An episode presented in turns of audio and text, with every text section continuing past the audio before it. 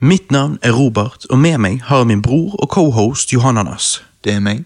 I dag skal vi snakke om annet Seinfeld, Star Trek, E3 2019 og den nyeste MIB-filmen Man in Black International. Men først, Johannes, Ja. visste du at um, rett og slett har det ikke skjedd noe interessant i det siste så jeg kan nevne her i introen, så vi kan le oss inn i introlåten? Altså Av og til er jo det bare sånn at livet ikke er så spennende. Ehm, så jeg tror vi bare forcer inn litt latter, og så kan vi komme i gang med denne casten already. Ok. Ja. ja. Nei, det blir, det blir så bra. Det blir jævla nice.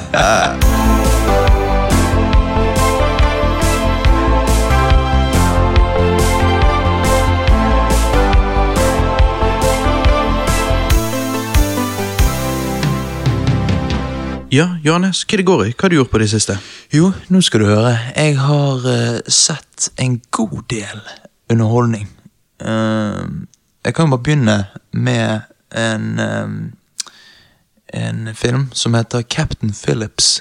Å ja, det har jeg ikke hørt om. Nei, eh, jeg hadde ikke hørt om han jeg heller før jeg så han, men eh, eh, dette er da en film med Tom Hanks i hovedrollen. Eh, han spiller jo en kaptein på et lasteskip da, som skal nedover eh, kysten utenfor Somalia. da.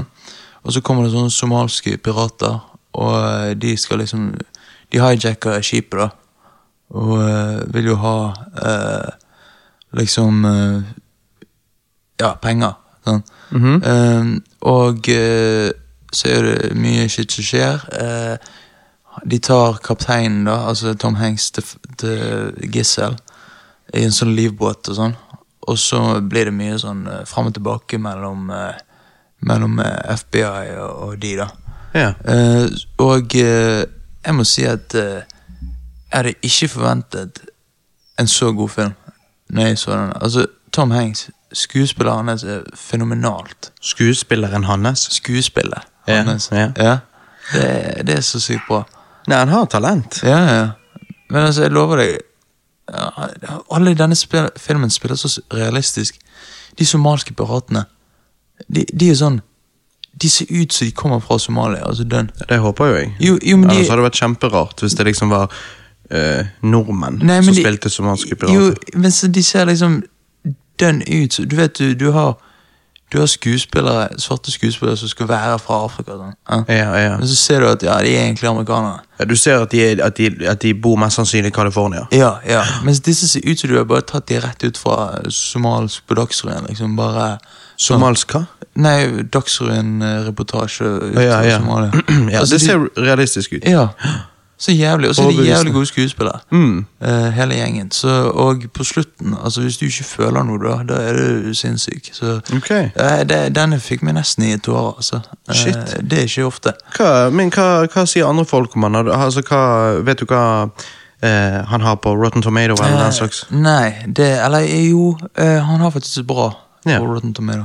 Veldig rart at jeg ikke har hørt om han. Nei, sånn 70-ish på begge sider. Ja. Men Hva Når kom filmen ut, vet du det? 2013 Ok. Ja. Nei, da, da er, den har jeg rett og slett mistet. Ja, ja, han er på Netflix, så det er bare til å sjekke han ut. Er Verdt å se. Ja, verdt å se, definitivt. Eh, og, så, ja, har jeg sett en film um, Ja, altså, jeg gir Captain Phillips da en svak syv av ti. Ja, ok. Ja. Så han er ikke Det, det er vel bare fordi at Han er- konseptet han er er for enkelt. eh, for Han, meg. han er akkurat verdt å se, på en måte. Ja, han, er ikke, ja. han er ikke legendarisk. Det er ikke legendarisk. Nei. Men uh, skuespillet er utrolig bra. Ja. Uh, men uh, så har jeg vært hos Roger på hjørnet Mm. og fått tak i en film eh, med Tro det eller ei Hva faen er det heter Nå trodde du skulle si Ryan Reynolds. Jo, jo Ryan Reynolds. Oh, ja, ja. Men Ryan Reynolds ja. Og den eh, fra 2010 heter Buried. Ok. Ja, ja, ja, ja, riktig. Du har hørt om han? Ja, ja, det, han, han blir begravd levende. Hele filmen, sånn som jeg skjønte, så godt som hele filmen i hvert fall, eh, er bare i, i en kiste. Ja, altså, det er tingen Du bruker hvert eneste sekund av den filmen i den kisten. Ja. Eh, og for mange så kan jo det høres ut som hva, hva, Hæ? Hva Ja da, det er jo litt rart, men du har jo flere sånne filmer. Altså sånn som denne Devil, eller hva han heter, når de er stuck in heis. Og, Ja, altså Du har jo flere er det- filmer som er stuck på én location. liksom. Jo, men da er det fortsatt litt sånn i begynnelsen så er det litt overalt, og på slutten er det litt overalt, men mens her er det hvert eneste sekund i den kisten. da. Ja, og det interessante er jo at likevel det er andre filmer som også er bare på én location, så er jo dette kanskje den minste location du kan ha en yeah. Film i. For du må jo ha en skuespiller i filmen, så yeah, en kiste blir jo kanskje det minste du egentlig kan ha. Ja, jeg vet, det er det, men sånn, konseptet er jo noe vi alle har tenkt på. Vi alle har tenkt, Tenk hvis det bare begravd levende. Sånn. Eh, det er det jeg syns er så kult. Eh, Men hvor lenge varer filmen? Han varer i en og en halv time. Og du føler at eh, at han ikke kunne vært kortere? altså liksom Jo, Ok. det, det er det jeg kommer til. Altså, det er liksom eh, Altså Jeg, jeg syns utførelsen er så som så. Eh, du, det kommer til et punkt i denne filmen der du tenker ok eh, Det er et kult konsept. Jeg skulle ønske bare filmen var gjort litt annerledes. Fordi at han er jo nede i denne kisten. Han har en mobil, da. Så han kan, han kan han får tak i folk.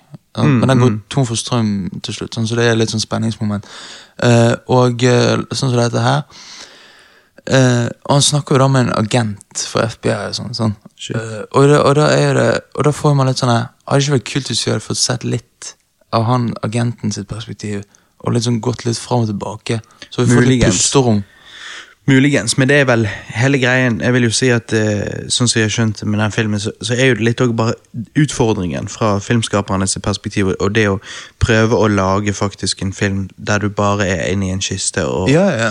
Eh, så så for, for å være en så stor utfordring som det selvfølgelig er, eh, føler du at, eh, at det er ehm, At det, at, måte... at det er gjennomført? Altså, kunne, kunne de egentlig gjort det bedre med tanken på at de har seg- gitt seg selv den begrensningen av at filmen kun skal være i denne kisten? Ja, nei, da vil jeg si at eh, de har gjort det så bra som de kunne. Ja, ja. Så, eh, og det er definitivt imponerende at de på en måte Det er ikke sånn, Du, du begynner ikke å sånn, kjede deg. Altså, du, du er helt innvåken og liksom bare Shit, hva som skjer? Mm. Men eh, jeg bare tror det hadde blitt enda bedre hadde du switchet litt perspektiver. da Ja. Men, eh, men uh, uten tvil, jeg gir denne en egentlig helt samme som Captain Phillips. Uh, en svak uh, Svak syv av ti. ja, Verdt å se én gang. Verdt å se en gang. Uh, Er endingen satisfying? Endingen er jo på en måte Shyamalan-ending, da. Ok, så litt tvist. Ok, ikke, ja. Du trenger ikke si mer enn det. ok Men er han, er han da satisfying? Er han, er han interessant? Han er interessant. Ja. Ja. Er han, ja. Mhm. mm. bare, bare se han. Ja, ja. Ja, Nei, men jeg, den eh, jeg. jeg må snakke med Roger på hjørnet, for den, Ja, eh, du må det. jeg har litt lyst til å, å se han eh, det, det blir sånn film det, det blir ikke noe jeg ser på en filmkveld med andre, for å si det sånn. Nei, nei, nei. Det blir jo noe jeg i så fall bare ser for meg sjøl, Ja. på grunn av eh, at konseptet er interessant. Så liksom det hadde vært artig å sette den en gang. Så. Mm, ja, definitivt. Um, men nei, utenom det så har ikke jeg jeg, har ikke, jeg har ikke fått spilt et snespill denne gangen. Nei, det, nei. Men det kanskje til neste gang. Neste gang da skal jeg få spilt et spill. Jeg må jo bare spørre igjen, likevel jeg antar jeg vet hva svaret er. Du har ikke sett uh, denne Elementary-episoden jeg har teaset eh, Elementary-episoden har jeg prøvd å finne, men jeg, fant den ikke. Uh, og så skulle jeg spørre deg, selvfølgelig, men da var jo det seint på kvelden. Jeg tenkte, Og det var i går. sånn. ja. Så det at jeg eh, Jeg skal se han til, Du til neste prøvd cast. å finne han, Altså Roger på hjørnet har jo gitt han til deg, sa han til meg. Jo, nei, jeg, jeg, han hadde ikke Jo, han har gitt meg han, men så har jeg rotet han bort. Jeg, jeg, finner han ikke igjen. Ja. Nei, men dette må jo vi ordne, for det- vi har jo teaset til noe i over to måneder. Så. Ja, det blir sånn gjennom hele året. Så blir det sånn der, Ja, Elementary, ja, ja. Julecasten, så har jeg ennå ikke sett den. Nei, jeg må, jeg må se den til neste Ja, cast. det er jo bare én episode. Én Elementary-episode. Sesong Altså, fire, episode syv. Du må bare se den. Ja. Bare fordi at jeg sier at uh, Jeg tror bare du hadde likt den. Det er en interessant episode. Det er beste episoden i hele serien. Og det er jo en serie med veldig mange episoder, så liksom why not bare se den? Og så Ja. bare, ah, kult, ok Men jeg blir egentlig enda mer hyped jo, jo lenger tid det går. Ja, det er jo det som er problemet, at etter hvert så blir du sånn Det blir antiklimatisk. Ja, sant det. Men, men, men. Vi får se. Så da, da har uh, lytterne igjen enda en grunn til å tune inn på neste cast for å Mm. få med seg endelig hva du syns om den episoden eh, fra Elementary Mistaken. Nettopp. Men eh, ja, men så det er alt jeg har gjort, så hva er det, du, hva er det går i med deg, da? Nei, altså etter forrige cast hvor vi anmeldte liksom 20 Godzilla-filmer, eh, filmer vi da så på bare to uker, eh, så ble det litt mye, så jeg trengte å detoxe, da. Eh, så jeg detoxet med å se litt forskjellig sånn Netflix-bullshit. Netflix-bullshit. Ja, Det er jo ikke- mitt favorittgreie. Ja, Ikke liksom en stor investering i et franchise, men bare sånn eh, Sjekk ut et eller annet på Netflix. Ja. Ehm, og eh, ja, jeg spiste jo middag oppe hos eh, deg og, og, og mamma og pappa for eh, noen uker siden. Og Ja. um, vi begynte jo å prate om Supernats i Seinfeld-episoden. Ja. Uh, du hadde jo ikke sett den, så vi fyrte jo den på. Uh, etter det så bare kjente jeg at faen, altså. Seinfeld er jævlig bra. Det er jævlig bra. Så jeg eh, um, satt og rotet rundt på Netflix, som sagt. Sant? Og, og da fant jeg eh, denne standup-spesialen Seinfeld gjorde etter at han ga seg med, med den TV-serien Seinfeld. Eh, den heter jo da Jerry Seinfeld, I'm telling you, I'm telling you for the last time, eller noe sånt. Um, eh, den er fra 1998, da. Dette var en sånn halvveis pensjonering for han. Han skulle liksom ligge alt det gamle materialet bak seg, og etter dette var derfor hans eh, Ja, dette var derfor hans siste standup-show hvor, ville- hvor du ville kunne høre disse klassiske vitsene hans som han var blitt kjent for. Eh, Showet varer i litt over en time, og hele greien er jo gull. Ikke nødvendigvis sånn laugh out loud-type opplegg gjennom hele greien, men det er liksom sånn koselig 90-tallshumor i motsetning til dagens standup. da. Ja, eh, Det er, ikke, det, det er ikke så drøyt, men det er koselig og vittig. ja, for det kan jeg se for meg, for i dag så skal all humor være så jævla ekstrem. Så. Ja, det blir Det er Det han er, du vet han er Bill Burr. Ja. Ja, det, er, det er sånn type humor i dag. Ja, Joe Rogan og Ja. Kevin Hart og alle de, de går veldig hardt ut. Det er Ja, det, det er liksom eh, Og det, det kan være vittig, det òg, men, men av og til så er det litt koselig å bare sånn her, Vet du hva? Det trenger ikke være så drøyt. Nei. Det er interessant med Jerry Seinfeld er flink til litt sånn hverdagshumor. Han er litt sånn Han, han påpeker ting i hverdagen, og så, og så eh, lager han eh, vittig konsept av det. sant? Jo, liksom- jo, jo, men det er jo det, det, er jo det som er mest eh, relaterbart. Så det er Ja, det som, på en måte. Mm. Liksom, litt sånn som Dagfinn Lyngbø. Sånn. Altså. Litt sånn koselig, litt ned på jorden Mm. Ja, når, når Dagfinn Lyngbø eksempel vitser om eh, at han har fått valp, og Mm. at valpen liksom står utenfor eh, dodøren yeah, når han er på do, og liksom bare, 'Hvor er du?' Sant? Og liksom. Så, så litt, ja, det, alt trenger ikke være sånn på kanten-type humor. Nei. Um, Nei. og Jerry Seinfeld er jo flink, Uh, og det at denne, da, denne special da, som ligger på Netflix, at den liksom der, der får du alle de beste vitsene hans i et show, Uh, og, og liksom sånn det, det, er- det er en god pakke. Det er underholdende Mm. watch. Ja. ja, men den har jeg lyst til å se, faktisk. Mm. Men for det, har du Etter vi så den Supernazi-episoden, begynte ikke du da å se Seinfeld? Jo, jeg har begynt å, begynt å se det. For du har Um, aldri sett det før. Meg og pappa Nei. har jo vært fans alltid. Ja, og jeg må si, altså, første episodene, da lo jeg veldig mye. Mm. Så har det dabbet litt av uh, på Ja. sesong to da. Ja. Uh, Det er jo, eh, det er jo eh, sesong to eh, blir jo søkt å være en av de kjedeligste sesongene. Så Sånn er jo det av og til med samme Friends oh, ja, og, det det. og sånne sitcoms. Det er jo liksom Noen sesonger er gode, noen sesonger er mindre gode. Ja, jeg Eh, vet. Altså, det, det virker sånn episoder der det bare sånn Altså, det handler jo om ingenting. Det er jo det showet som handler om ingenting. Men Ja. av og til så er det sånn Ja, hva er egentlig plottet her? Sant? Altså, at det blir litt sånn uh, reachy. Men, men, men jeg, jeg digger jo eh, Kramer hver episode. Ja, Kramer er helt fantastisk. Ja, karakteren hans, det er liksom bare Han spiller han så jævlig bra. Han spiller jævlig bra. Og liksom De reagerer sånn som vi reagerer når vi ser ham. Sånn, bare sånn, Hva faen, for en idiot, liksom. Mm. Og, eh, nei, men jeg, jeg fortsetter jo, da. Fordi at, eh, som du har sagt, du har sagt at mange, noen sesonger er dødsbra. Mye Ja, bra. ja, altså når du kommer liksom opp til sesong fire, fem, seks, eh, så er jo det veldig Ja. bra. Så Åh, nei, jeg gleder meg. Eh, og overall syns jeg det er underholdende. Ja. Eh, så nei, jeg liker Seinfeld veldig godt. Jeg syns det er en av de beste sitcomsene som er der ute. Ja, ja. Jeg er enig. Nei, eh, en annen sånn her bullshit- bullshit-ting jeg bare så på Netflix, da var jo denne her eh, um, Jeg så en episode av denne her My Next Guest Needs No Introduction med, med David Letterman. Og gjesten han hadde, var Kanye West. da. Eh, og det var òg en interessant altså Jeg liker jo hiphop, og jeg liker jo Kanye West. eh, ikke som nødvendigvis en person, men musikken hans. Eh, og Så jeg syns det var bare interessant å, å se den. Eh, og jeg tror du hadde òg likt den, siden du òg eh, liker jo Kanye West. Ja. Eh, det- og det du får følelsen av når du hører han snakke og sånn og sånn altså, På noen måter så er jo han en tulling, på andre måter så er han et geni. Det er liksom Ja. Og sånn tror jeg det er med sånn veldig kreative Kreative Kreative? Ja, nå plutselig hørtes det ordet rart ut for meg. Kreative genier, at de er ofte litt sånn i grenseland av geni til idiot. Det er ofte sånn det er. Um, Ja, men tingen da er ja, Michael Jackson var jo et jeg vil si, like stort geni. ja. Men han var jo ikke på en måte like selvsentrert som Kanye er. Kanskje ikke. Um, Eller tror du han var det, bare at han ikke viste det? Altså, når du har denne her history-åpningen Ja, altså, ok da.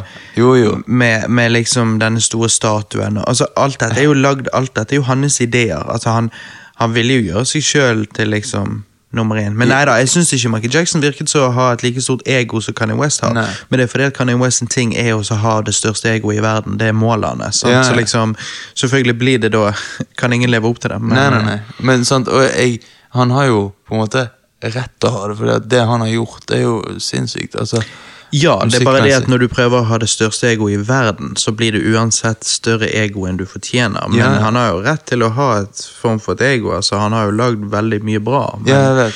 men eh, det tjener seg som oftest å være litt humble òg. Ja, det er det. Folk det- liker jo best det. Ja, og det er et ord eh, Kanye West ikke har i ordboken sin. Nei, nei.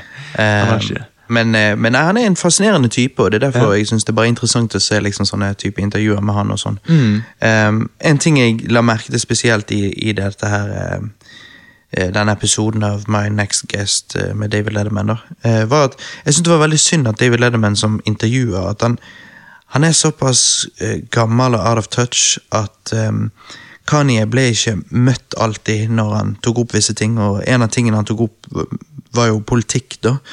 Em, og noe med at liksom uh, I dag så kan du I dag kan det være veldig vanskelig i USA å være konservativ, og du blir på en måte sett negativt på bare fordi du er det likevel. Eh, det blir så overfladisk, for du kan jo ha dypere meninger om forskjellige ting, men bare det at folk putter deg i den båsen, så er du en idiot, da, da, da, og liksom Ehm, og, og det er jo greit nok. Sånn, sånn er det med mange ting. Altså, uh, folk som syns du er Altså ja, jeg, jeg vet ikke. Oss, det, det, finnes, vi alle blir jo puttet i båser, og ofte sånn. Um, men, men eh, jeg bare synes det var interessant at han snakket om det, av at i dag så er det litt det. Sant? At hvis ikke du er 100 eh, modern, fem, moderne feminist osv., så, videre, så kan du liksom bli, bli puttet i en bås som en, eh, en bigot eller whatever. Og så er det sånn eh, Ting er jo ofte litt mer eh, komplisert enn som så. Verden er ikke så svart-hvitt. Eh, og når han begynte å snakke om dette, så bare eh, følte jeg at Lederman var for old school til å på en måte forstå han. Det var akkurat som han ikke klarte å tenke dypere. Han bare avviste Det, så Åh, det er dumt. og jeg tror det der liksom når, når Kanye West av alle, som er pretty crazy, når han begynner Ja. å snakke om den slags, så tror jeg at det kunne vært en veldig interessant samtale. Men når Lederman da bare avviser han, um, så, så blir det liksom ikke en åpen politisk samtale som, som jeg hadde syntes vært interessant. da. Men tror du, men tror du For jeg syns, jeg syns liksom bare David nei, Jeg bare syns liksom Kanye West er en, en type som er veldig flink til å ta opp eh, temaer likevel det er tabu. Noe jeg er for, for jeg mener jo at liksom ingen tema bør være tabu.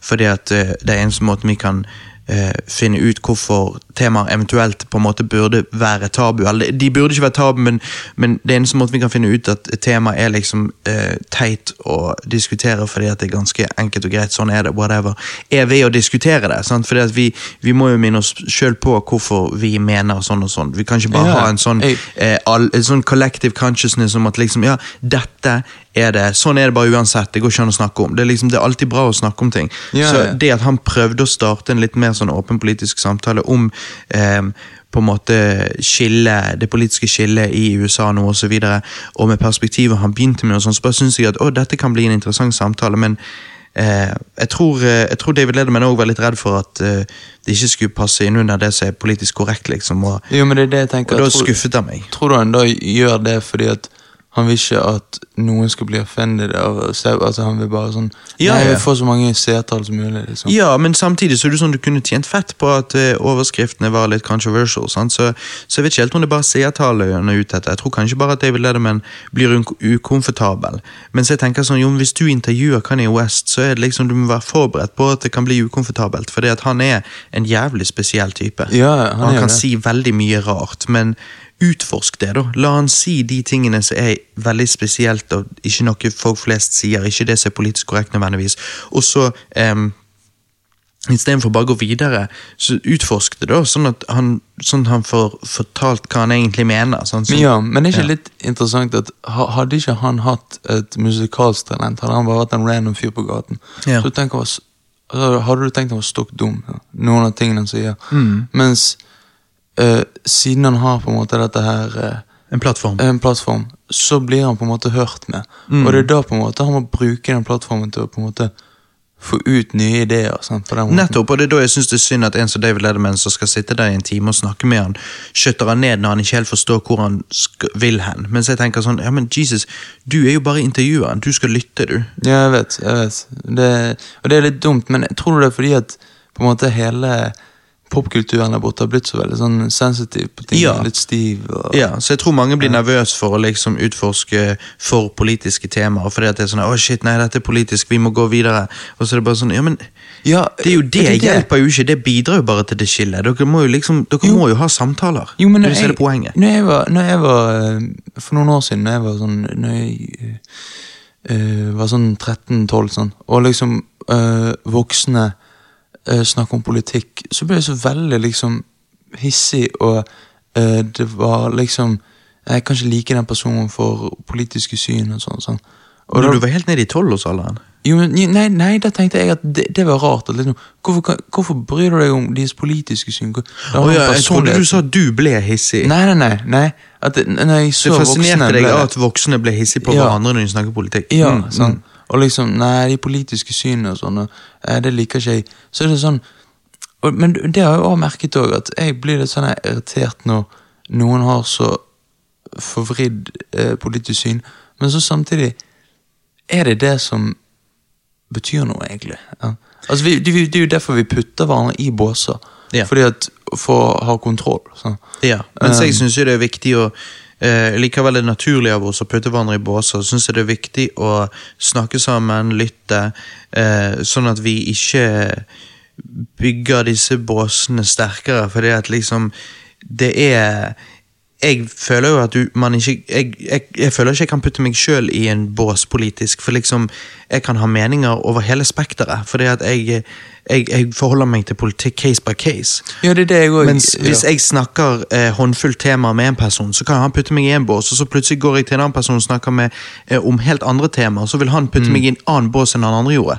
Ja. Så liksom, Det er derfor jeg tenker at eh, jeg, jeg syns det er bare interessant jo mer man kan snakke om forskjellige temaer, fordi at det kanskje bidrar til at vi alle forstår at vi er ikke enten-eller. Eh, Nei, vi nei, nei. er ofte folk med veldig mye forskjellige meninger. Så, og pluss at jeg bare tenker sånn det som også skjer når folk putter seg sjøl i en bås, er at de begynner å, å liksom eh, bare mene det hele den gjengen de identifiserer seg med, mener. Uansett hva temaet er. Mens jeg prøver så godt jeg kan å forholde meg på en ny måte til et nytt tema hver gang, og ikke liksom sånn at, ja, kanskje jeg hører hjemme på denne siden av politikken, så la meg òg da låne disse meningene. Så er det sånn, nei, nei, nei. Jeg synes hele greia med politikk, som, det eneste som gjør det interessant, syns jeg, er å utforske hver sak individuelt. Men det er veldig vanskelig å gjøre det. Det er det kanskje. Det er det kanskje. For mange, vil jeg Men tro. det er spennende, da. Ja, ja. Mer spennende det enn å bare Å ja, skal vi se, det har jeg ikke tenkt på, men de som ofte mener det samme som meg, mener jo dette, så jeg bare slenger ut dette. Så Jo, det er sånn, hæ? det det. Drit nå i det. Jo, for ting i Snakk dag- om hele temaet i seg sjøl, og gå inn i dybden på det. og liksom, Da finner du ut hva du egentlig mener om det temaet, uansett om det går imot uh, kanskje hva gruppen din mener om det, eller whatever. Men det er drit i, drit i grupper. Fuck det, liksom. Ja, Hvis du har 100 dine egne meninger, så kommer ikke du til å eh, falle i en gruppe. Nei, fordi at vi mennesker er komplisert, og derfor blir jo òg da uh, det hele blir det, det, du, du er da mest sannsynlig et menneske med en regnbue av meninger, og du Ja. hører derfor mest sannsynlig ikke hjemme noe sted. kan du si. nettopp. Og det er jo er derfor man, man må jo når man, som når man skal stemme, så må jo man stemme etter liksom hva som eh, Altså, så, man så, så de enig. sier hjertesakene dine, det du, det du sitter høyest. Ja. Sånn. Men jeg syns samtidig man alltid skal veie liksom, ok, dette partiet mener det jeg mener med de viktigste tingene jeg mener, men du har ting jeg òg mener, så de er helt andre siden på. Burde du da stemme på dem? Sant? Du må Ja, finne vet. de som kanskje funker best, sånn overall, da. Mm. Men også kan jo man falle i en sånn at man er mest på høyresiden og mest på venstresiden Ja da. politisk, men at fra parti til parti så er du sånn Ja, det er jeg uenig med, det er Mm. jeg ikke. Sånn. Fordi at vi har jo 100 egne tanker. Vi er jo ikke Forhåpentligvis. ja, Vi blir jo ikke født inn i den verden så er det sånn Å ja, du har fått de der SV-tankene. Ja, du, du du der. Sant? Nei, Altså, vi vi blir, men det vi kanskje blir gjennom årene, er delvis programmert. Litt sånn hjernevasket. Ja, eh, hjernevasket. Enten fordi at noen andre hjernevasker oss, eller fordi vi faktisk hjernevasker oss sjøl. I dag tror jeg det er mer at vi hjernevasker oss sjøl. Før, på 80-tallet, så var det liksom bare de kanalene du hadde, og de avisene du hadde. Eh, mens i dag så er det så utrolig mye flere steder man får informasjonen sin fra, at man kan kanskje, hvis man da tiltrekkes eh, eh, eh, viss outlet, så, så kan jo det på en måte gjøre at du hjernevasker deg sjøl litt, hvis du skjønner hva jeg Ja, jo, Men- jeg, jeg skjønner. men igjen, det er derfor jeg liker så godt å ha samtaler med mennesker, eller se andre mennesker ha samtaler med hverandre. at det er liksom Det å innta informasjon fra én kilde gjør oss litt sånn Det, det gjør at meningen vår blir litt ensidig. Mens det å eh, snakke med mennesker, ofte mennesker som mener andre ting enn oss, det lærer vi av. Og liksom sånn, Jeg har noen ting eh, jeg ikke skal komme inn på nå, men, men kanskje seinere til sommeren. Vi har snakket med lydmannen vår litt om at eh, det hadde vært kult å tatt en politikkcast. Bare sånn drikke og bare preike alle mulige forskjellige politiske temaer. Ja. Em, eh, men det er liksom noen politiske topics jeg ikke sier at jeg liksom jeg er ferdig å tenke på det, jeg putter meg sjøl her. Jeg, her men, jeg mener dette. Eh, fordi at jeg syns eh, noen saker kan være kom, veldig kompliserte, så jeg, jeg vil aldri si at jeg er endelig, eh, eh, at meningen min er endelig, og at jeg er ferdig å, å tenke på det. å si. Men, eh, jeg, men det kan være saker hvor jeg liksom er sånn Faen, men jeg skjønner ikke Jeg skjønner ikke den andre siden i det hele tatt. Jeg har ikke kommet over et eneste godt argument. Sånn at jeg, Og så la oss si jeg har venner som da jeg vet er på andre siden når det kommer til det temaet. Så liksom reacher jeg ut til dem for å spørre liksom hva er grunnen. For jeg prøver å forstå. Jeg prøver å lære. Jeg prøver å, høre Jeg er ute etter å høre ett eneste godt argument for eller mot denne saken, men jeg finner faen ingen. Og så liksom eh, Jo, men- jo, men Det det det. syns jeg er liksom For jeg, jeg prøver bare å få mest mulig eh, eh, nyansert syn på det. Sant? Men Ja. så av og til så er kanskje òg argumentene på, på ene siden av saken eh, rett og slett bare weak. At det bare, det bare, og, og da er det greit. Da, det er vel da man kommer fram til at ok, nei, men da mener jeg dette, for det, her er det solide argumenter bak, bak det hele. i hvert fall. Og, og hvis noen kan komme med argumenter som får meg til å liksom Å ja, shit, nei, det har jeg ikke tenkt på. Det er jo lærerikt. Og det, det er jo en god ting, men så har du de personene som sånn at de ikke skal vise At de, de ikke skal vise at de kan ha hatt feil. At de, skal, de, de bare skal stå på sitt og bare Ja, så De tør ikke Ja. å egentlig fortelle hvorfor de mener de mener, for de vet ikke sjøl hvorfor de mener det. Nei, de vil bare ha rett, liksom. Sånn. Ja, ja. Uh, og det, det kan være Og da kan de bruke ting. personangrep istedenfor, Ja. og det bare blir en utrolig lite produktiv diskusjon. Ja, nettopp. Det er det som skjer. Så det Men, er det- derfor gode politiske diskusjoner er veldig gøy, syns jeg, og dårlige politiske diskusjoner er jo selvfølgelig bare waste of time. Ja, jeg vet. Det er det. Men Men uh, nå skal ikke vi gå mer inn på Ja. politikk, men som sagt, kanskje vi kunne gjort det Ja, vi sparer det til lydmannen vår kommer, så Når- hatt når- en eh, ja. det, han, kommer, han kommer hjem eh, fra jordomreisen sin om en måneds tid. Om en måned. Ja, så, så jeg syns det hadde vært drittfett. Knekket noen øl, preiket om alle mulige forskjellige er temaer. ikke. Og forhåpentligvis, og jeg tror med, med oss tre eh, pluss eventuelt andre, at det kan bli en veldig eh, god diskusjon. Veldig gode diskusjoner om forskjellige temaer. Og det tror jeg kan være veldig kult å høre på, Mm. og gøy i det hele tatt. For det er jo, når, det, når, det blir, når diskusjonene blir gode, så er de, da er det fett, liksom. Ja, ja, jeg er helt enig. Så jeg gleder meg. Ehm, nei, noe annet jeg eh, så på Netflix, da, er okay. jo eh, Netflix sin originale realityserie Jailbirds, eller Fengselsfugler, som det heter her. Okay. Eh, han kom ut 10. mai, så han er ganske ny sånn serie. Shit. Eh, jeg liker jo litt sånn fengsels-reality-serier, eh, men de er ofte ikke så veldig gode. Denne derimot, altså Hvor god han er, skal jeg komme tilbake til. Men han er i hvert fall bedre enn okay. de, de fleste der. Jeg er spent. Um, hun første chicken i, i denne episoden, for dette er da eh, eh, for det meste ja, Ikke det for det meste kvinn, kvinner i fengsel vi får se. Jo. Um, hun aller første chicken du får se i denne serien, eh, helt i begynnelsen, som blir booket inn på i jail, hun tror du hadde Ja. Hun er skummel. Nei, jeg tror du hadde syntes hun var skamdigg. Oh, ja, oh, ja, ja, men da Da må jeg i hvert fall se han. Hun så dønn, altså hun så ut som en ung Venona Ryder, bare litt som bad girl. Nei, wow, what? Hæ? Ja, Jasmin het hun faktisk. Winona Ryder, ung, det er jo uh, Det er ingenting gale med den setningen. Hun hadde sånn skikkelig Venona Ryder-øyner. Ja, Hun har veldig unike øyner, egentlig. Hun har det jævlig unike, men de er det bra. Ja, Fy faen. Nei, ok, jeg må, jeg må, jeg må se den. ja jeg Eller, ja. det, det skal ikke mer til. Nei. Jeg trenger ikke å snakke om hvor god serien er på andre måter. Jeg bare, Winona «Å, hun er enig, hun er litt digg. Du bare, oh, shit, sant? Ja.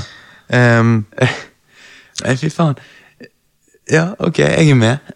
Og så Du, her, er- her er bildet, da. Er jo, ser jo selvfølgelig litt sliten ut, sant?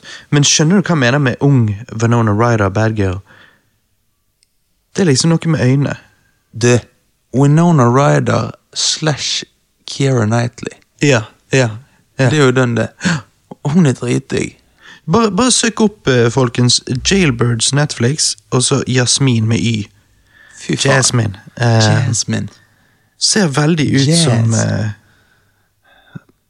Ja. Ser veldig ut som, eh, som eh, Venona Ryder, som du sier. Ja. Mm. Keira Knightley. En blanding mellom de.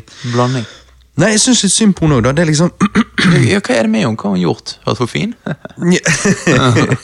Nei, hva, hva skjedde? Det er ganske heftig shit uh, for, for, altså, for en førstegangs eh, felony, da. Hun får en ganske heftig liksom sånn uh, bail bond og Ja. Det, er, det, Ja, ja. det virker litt sånn Du får liksom se henne når hun bookes inn, sant? og hun innser mer og mer at hun er fucked. Sant? Og liksom oh, shit. Eh, og når hun da får den første breakdown noen timer etter at hun har blitt tatt, så, så kommer liksom sannheten, sannheten frem. Sant? Og hun sier hun egentlig har det bra, men hun, hun fucker shit opp for seg sjøl hele tiden. At hun egentlig, Livet hennes er egentlig godt, men, men hun fucker det opp for seg sjøl. Jeg tror det er noe i det, for det er liksom Jeg tror mange av disse har en destruktiv livsstil, og spørsmålet er om det er deres feil, eller om det er en, en grunn til at de har en destruktiv livsstil. Er det, har de mental issues på en måte som ikke er deres feil, som bare fører de ned den veien? altså, sant? Det er liksom, Ja, ja. Det, det er sånne ting jeg syns er interessant med sånne reality-fengselsserier. For at du får se ekte mennesker og deres ekte struggle istedenfor en eller annen fiksjon. sant? Mm, Og, og da av og til så syns jo du litt synd i de Det er vanskeligere å synes synd i de som på en måte har gjort sånn fysisk vold mot andre og sånn, men sånn som hun er, da, liksom stjålet en bil og liksom prøvd å kjøre fra purken og sånne ting. Det er bad, men det er liksom ikke det er ikke ondskapsfullt, opp å si. sant? Nei, nei, du Eh, kan jo, kan jo bli en bedre person ut av det. ja, ja, sant? men en som har drept noen, da er det litt vanskeligere å liksom synes synd på de, for å si det sånn. Men, men så jeg bare synes det er interessant å se sånne mennesker og høre de snakke, for da er det sånn, shit, det er liksom Jeg lurer på om mange av oss tenker liksom at eh, ja, nei, kriminelle de er bare sånn, eh, mens jeg tror liksom hvem som helst kan bli kriminelle så lenge livssituasjonen liksom fucker deg opp, og, eller la oss si du har litt mental issues, eller altså Mm, mm. jeg tror ikke du er født noe mer umoralsk enn andre, eller noe sånt nødvendigvis. Jeg tror bare du i mange tilfeller kan være sittet i en eh, utrolig kjip livssituasjon. Ja, jeg vet, og det er jo sånn fattigdom Altså, hvordan skal man Det er jo dårlig å stjele noe, selvfølgelig, men, men hvis man ikke har så mye valg, så, så gjør man ting for å overleve. sant? Det er jo det, altså sant, Hjemløse i LA, sant, der det er veldig mange Ja. hjemløse, så de sliter jo til og med å komme inn på disse suppekjøkkenene og sånn. sant, og Ja, det det. De har ingen sted å vaske seg sjøl. Altså, de, de går jo inn i, en- eh, convenience store og stjeler en deo og stjeler noen snacks. og altså, De prøver bare å overleve. sant, Jo, men liksom- Hadde hun vært født inn i et annet miljø, så tror jeg hun hadde vært Det er ikke sånn at hun som person er en som stjeler. Altså, Ja, uansett hva, ja, uansett hva livssituasjon du sitter hun i, så bare er hun sånn. Ja. Nei, men det Hun er har det. forandret seg, og det er jo der miljøet Jeg tror miljø har alt å si. Det tror du òg. Ja, miljøet har mye å si i, i den settingen der, men òg gener. For det, det hun sier, var jo at hun faktisk hadde egentlig ganske godt liv, men hun fucka det alltid opp for seg sjøl. Og da er det litt sånn Da kan det være litt mental issues, sant? og det kan være genetisk. Så det kan bare være rett og slett det at hun sliter litt mentalt, som gjør at hun acter ut på den måten. Ja, det, det er en ting. Men, det er alltid, men generelt sett, da, om det er miljø eller det er arv, eller begge deler, så syns jeg det er bare interessant å, å lære fra folk som um, gjør såpass feile valg i livet at de ender på såpass bad steder som i, i high security prisons Ja. og sånn. Ja. Um, Hva, hvor mange år fikk hun, da? Eh, nei, jeg, jeg vil ikke spoile det, for Nei, det ok. at, eh, hun, skjønner du, hun uh, Hun plutselig ser vi ikke så mye til, og så What? er det noen som liksom bare, hva, Hvor faen ble hun der, da? Og så må du liksom google det fram til å finne ut at hun, hun rømte jo, da. Og så, så ble hun selvfølgelig tatt igjen, sant? og så Hæ? har jo det bare blitt verre og verre. Oh, shit. Så det, det er ikke enkelt. Nei, og, og hun er andre du får se i serien. Ehm, når hun ble født, var faren hennes 15 og moren 13. Hæ? Og de drev begge med drugs, så tanten tok vare på henne, men tanten var 11. Hæ? Det er Men det Sånn, Det er da du er- skjønner at noen er bare født inn i sinnssyke situasjoner. Jo, men det er da du setter enda mer pris på ditt eget liv. Altså sånn, Fy faen, så heldig jeg er, liksom. Så selvfølgelig funket jo ikke det at tanten på 11 år eh, oppdro hun. Så, så, eh, så hun ble jo sendt over fra fosterhjem til fosterhjem, dealte drugs når hun var 10. Hun har vært inn og ut av fengsel siden. Og det er jo en så unik og fucked up situasjon at jeg føler det blir liksom nesten feil å skylde på hun alene og liksom si hun er en bad person og så videre. Liksom, sånn. det, er jo, det er jo en det er jo, Fy faen for en oppvekst! Det er jo en sinnssyk oppvekst.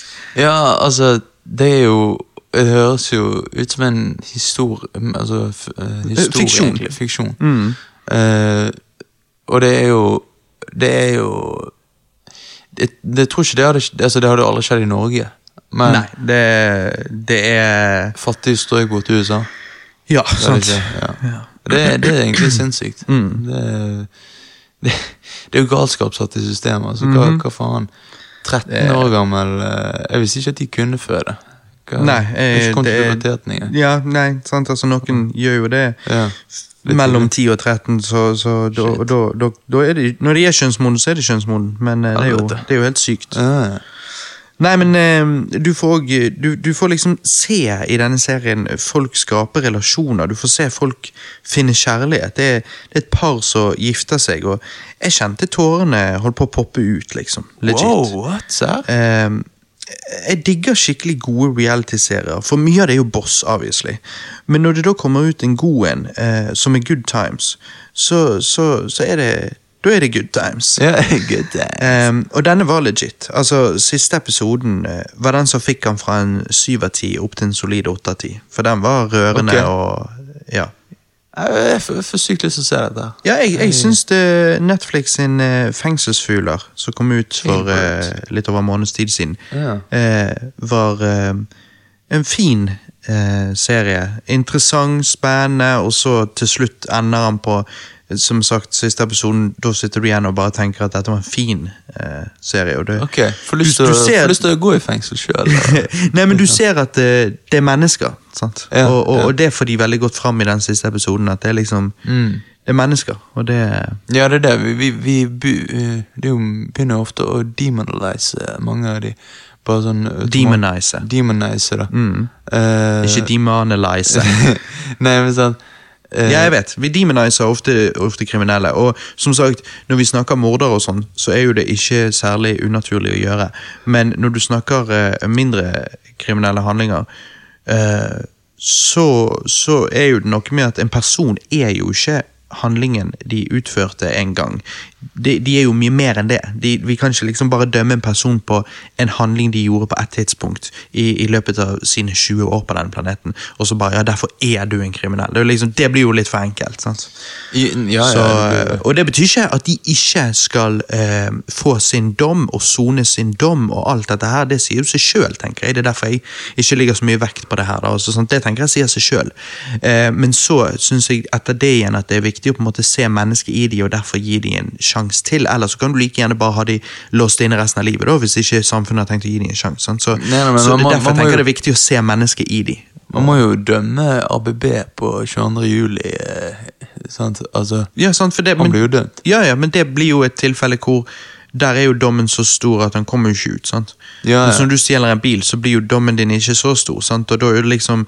Men det kan jo være veldig hardt for deg å skulle sitte inne i de månedene du må, da, eller noe Ja, sånt. ja.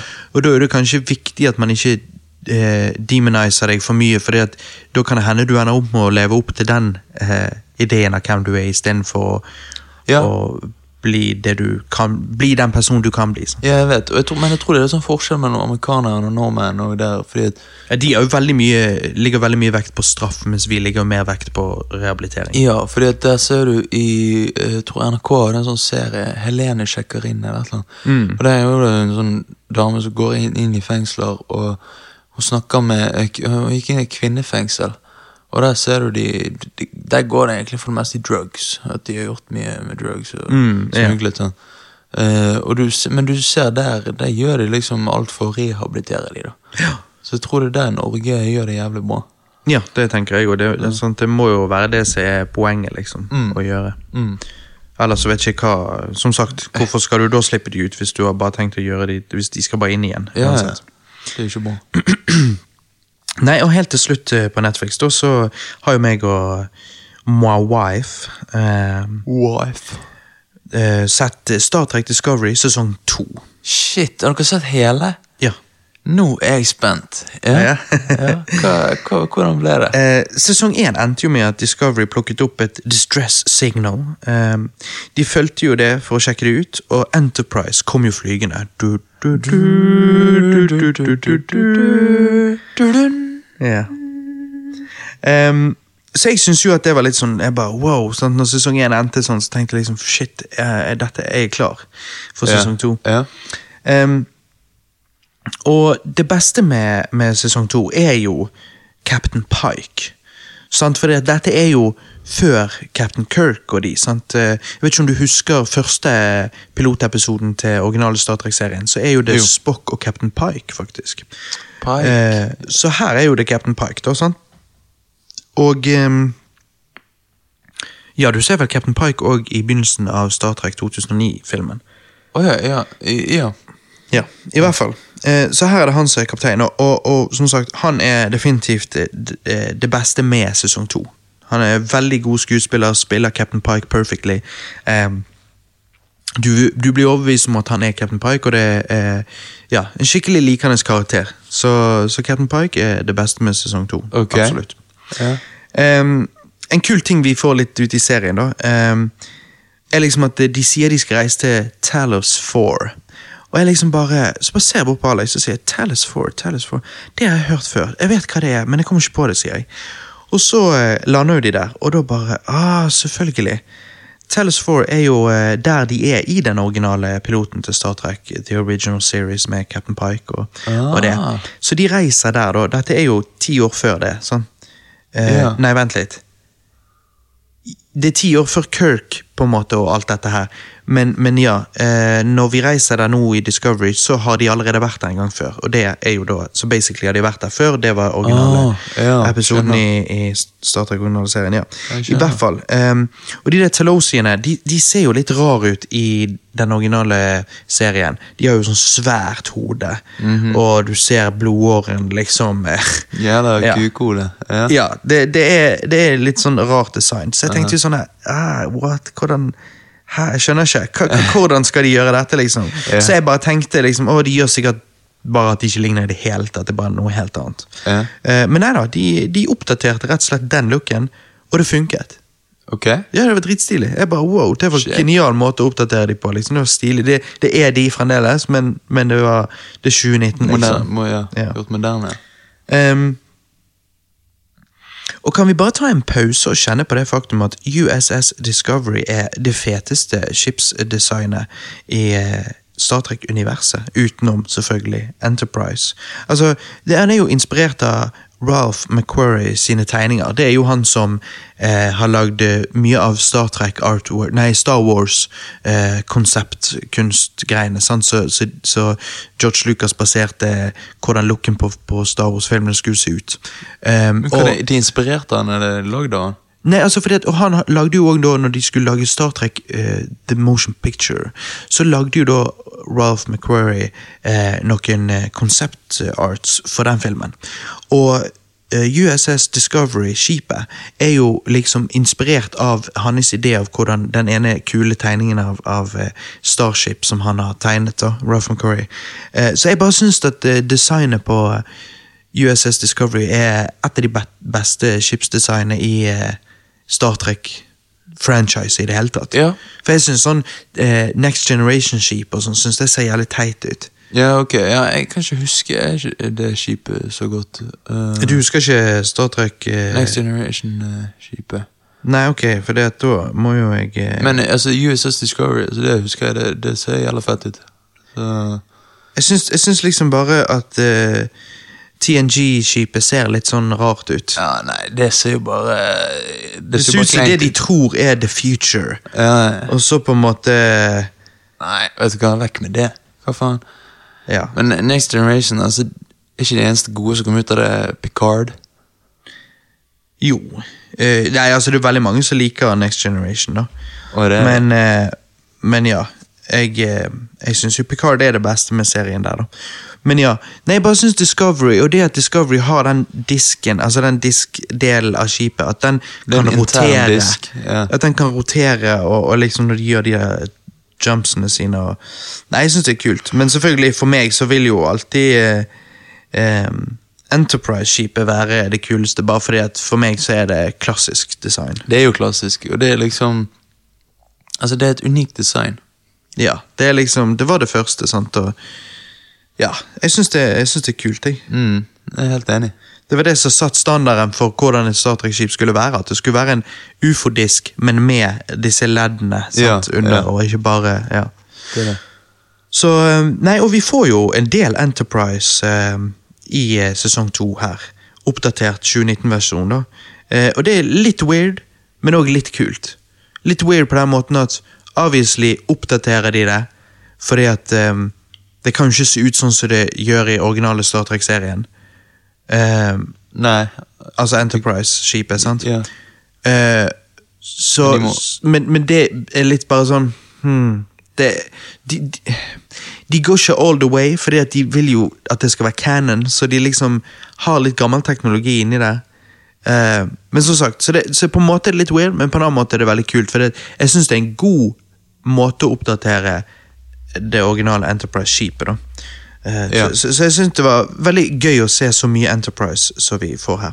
Em, Nei, men hva, hva kan man si om sesong to av Star Trek Discovery? Jeg synes det, det jeg vil Det jeg ville sagt uh, For på en måte hvis jeg, hvis jeg skulle sagt bare et par setninger, så er det liksom at dette er en veldig ambisiøs sesong.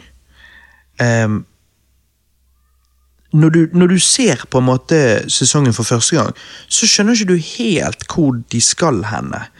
Um, det, pluss at mange av episodene er relativt dårlige.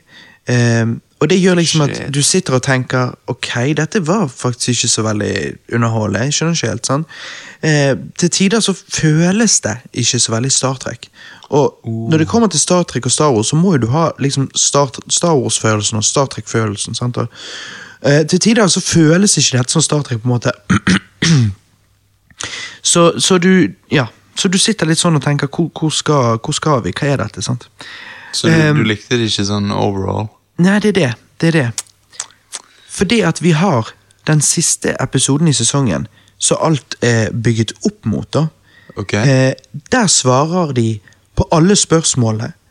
Eh, den er stappfull av action. Og hele episoden er rett og slett ekstremt gripende. Det er en veldig god episode. Altså veldig god episode i en ellers relativt med sesong. Eller til og med kanskje dårlig sesong. Oh, shit. Em, og jeg, jeg, jeg vet ikke helt hva jeg skal tenke. Det er liksom Nå er ikke dette en film, da, men tenk deg en film hvor du bare liksom Filmen søg, men fy faen for en god ending. Det er liksom sånn Skal du se filmen? Nei, nei, Eller hva? Det er liksom det er vanskelig. For hvis endingen var jævlig awesome, men filmen var dårlig, resten av filmen var dårlig, så er det sånn weird. Man blir litt sånn Hva faen var vitsen? Altså, eller jo, altså vitsen var jo å få den jævla finalen, men Ja, det er jo deilig å få den, i hvert fall. Ja, ja, men du måtte ofre jævla mye for å Ja. komme dette. Ja. Ja, jeg skjønner. Nei, så sesong to eh, Det som også kult, er at det fikser mye canon-problemer Discovery har skapt. da Sånn som dette med at Spock har en søster og sånne ting. Og så liksom, hør, men Han nevner jo aldri henne og sånne ting. Og Så måten de fikser mye av canon-problemene, er faktisk dritkul. Jeg liksom bare, å, jeg digger det, de, de fikser det, jeg skjønner, liksom. Så, jeg, så på mange måter gjorde sesong to mye, mye bra, sånn sett. da Em, en ting er at når du, når du da ser sesong to, så tenker du åh, denne nye serien funker rett og slett ikke. Eh, gidder jeg å følge serien videre i sesong tre? Og så ender sesong to, uten at jeg skal spoile noe, da, men okay. på en sånn måte at man som Star Trek-fans Star Trek-fan eh, faktisk blir veldig nysgjerrig og veldig hyped for sesong tre. Shit. Eh, så som sagt, det er weird. Det er en super weird sesong. Eh, men jeg vil nesten sagt at eh, sesong én og to av Star Trek Discovery er nærmest litt som en dritlang prolog til det du egentlig har ventet på hele tiden. Ja. Um, så, og, og noe annet man får lyst til å, å se på etter denne episoden det, det, Eller noe annet du kunne også tenke deg å få, altså som sagt utenom sesong tre, som nå ser ut som kan bli veldig bra og, og kul, og jeg gleder meg, jeg er veldig hype til det. Eh, men noe annet du også får litt lyst på, er en eh, Captain Pike-serie. Eller Captain Pike-miniserie. Så han var så bra som en karakter, altså. Ja, ja, ja. Han var, Shit. ja for også er det det at han er jo en veldig legendarisk Star Trek-karakter, fordi at før Kirk i den originale serien så var det Pike i den første piloten. Eh, og ehm, derfor refereres Pike til litt her og der gjennom franchiset, og vi ser han igjen i, i Star Trek 2009-filmen. Og vi ser han igjen her, og det er liksom Så, så Pike er en karakter som liksom Fordi at Spock og Kirk og McCoy får et veldig godt forhold gjennom den originale serien sant? og filmene. Og, Men det at vi vet at Spock lenge eh, hadde en annen kaptein, før Kirk, det er jo litt sånn kult. Sant? Og, så jeg tror mange, alltid, jeg tror mange Star Trek-fans alltid har syntes eh, Pike eh, har vært en inter interessant del av Star Trek-universet. Og nå når vi da i denne sesongen får så mye bra shit med Pike altså serien, eh, Sesongen er nødvendigvis ikke så god, men, men Pike er, han bærer han i, i hvert fall. da Han er, gjør serien, eh, sesongen likevel interessant å se, kan du si. Så, så tror jeg eh, det å bygge videre på, på den karakteren med han skuespilleren som nailet det såpass bra, med en eh, Captain Pike-miniserie eller et eller annet sånt, det tror jeg hadde vært eh, helt genialt. Og nå har de dette Enterprise, oppdaterte Enterprise-settet, bygget og, og alt sånt, så det er mange Star Trek-fans som liksom sier at likevel ingenting er blitt annonsert ennå, så det er mange som bare tenker at det er jo helt logisk å annonsere det. Alle likte Captain Pike i denne sesongen, dere har allerede bygget settet som er awesome og alt sånn, så kjør på, gi oss Captain Pike Enterprise-miniserie eller et eller annet sånt. Vi skal jo få en eh, Picard-miniserie nå, sant? Så why not? Men kanskje de velger å ikke annonsere noe med en gang fordi at de vil ikke skal overshadowe Picard-miniserien sin. Det er òg en kaptein sin egen miniserie. Sant? Men jeg håper de annonserer det etter hvert, for det, det er definitivt noe jeg vil se. Mm, mm. Nei, det, det høres eh, stilig ut. Jeg Jeg, eh, jeg eh, vet ikke. Altså sånn Jeg syns jo Discovery sesong 1 var grei. Mm. Eh, sånn for meg som ikke er en sånn die hard Star Trek-fan som Ja. deg. Sånn. Men uh, uh, men, men du sa jeg burde sett sesong to? Jeg tror ikke du hadde likt sesong to, men jeg tror du hadde digget siste episoden. Okay, det Men det, du da. kan jo på en måte ikke se siste episoden uten å se resten av sesongen. For det er det hele det. grunnen til at du digger siste episoden, fordi at det er det det hele bygger opp til. Men den var fantastisk. Eh, så, men det som er positivt, er jo som jeg sier eh, sesong én og to virker nesten som en prolog ledende opp til sesong tre, så blir faktisk det vi skulle egentlig fått hele veien, syns jeg, på mange måter. Ja. Um, og eh, ja, ja, av og til Det er vanskelig å si trengte vi den prologen eller ikke. Av og til er det det som gir den dybden som gjør at du blir såpass attached til karakterene når du da går på den faktiske reisen. Så kanskje denne ekstremt lange prologene gjennom to hele sesonger av en TV-serie var nødvendig eller ikke. Jeg, jeg vet ikke. Det får nå vi se. Det som da er interessant, i hvert fall, er at jeg ville sagt til veldig mange at uh, drit i sesong én og to. Det er whatever. Fordi at sesong tre er en uh, sant? Jeg skal ikke spoile det, men det er en fresh start. Så det, det Du trenger ikke å se sesong én og to. Eh, Du kan begynne på sesong tre uten at eh, du har eh, Det, kommer ikke til å være mye referanser til, til sesong én og to, vil jeg tro. Fordi at sesong tre ser ut til å være en veldig fresh start. Da. Så, så jeg tror at veldig mange kan hoppe inn i sesong tre, og jeg har store forventninger til den. Og jeg tror den kan bli veldig bra. Så får vi se. Mm. Ja, det blir spennende å se. Mm. Nei, det er jo noe annet Johannes, som uh, har skjedd uh, i det siste òg. Altså, som jeg har i hvert fall sett en del av. Jeg vet ikke hvor mye du har sett. Men uh, vi har jo hatt E3 2019. Ja, E3, ja. ja. Det er koselig med E3. Eh, jeg har jo sett litt. Ja, du har det? Litt forskjellige ting, men ikke så mye, da. Nei da. Du er jo ikke, du er ikke hardcore gamer, for å si det sånn. Nei. Jeg har nå prøvd å få med meg alt, og så For jeg syns jo E3 er kjempegøy, da. Men eh, altså, det vises jo såpass mange spill under E3 at eh, vi kunne lagd en sekstimers, eller jeg kunne lagd en sekstimers E3-cast eh, hvis, eh, hvis jeg ville, hvis jeg kunne fått snakket om alle spillene, men det har vi ikke tid til. Så eh, jeg vil vi bare skal snakke om de spillene vi er mest hyped for, det vi syns var mest interessant. Og Ja. eh, En av tingene som ble vist tidlig på E3, eh, var jo Microsoft sin Xbox-konferanse. Og jeg syns det bare var litt vittig å se. Jeg hadde aldri forventet det. Jeg bare, hæ? Når, når, det liksom, når vi da får en Blair Witch-spill-trailer. Ja, det var det. Blair Witch-traileren. Den så jeg. Det bare overrasker meg. Litt, Blair Witch, er det, er det hot liksom nå?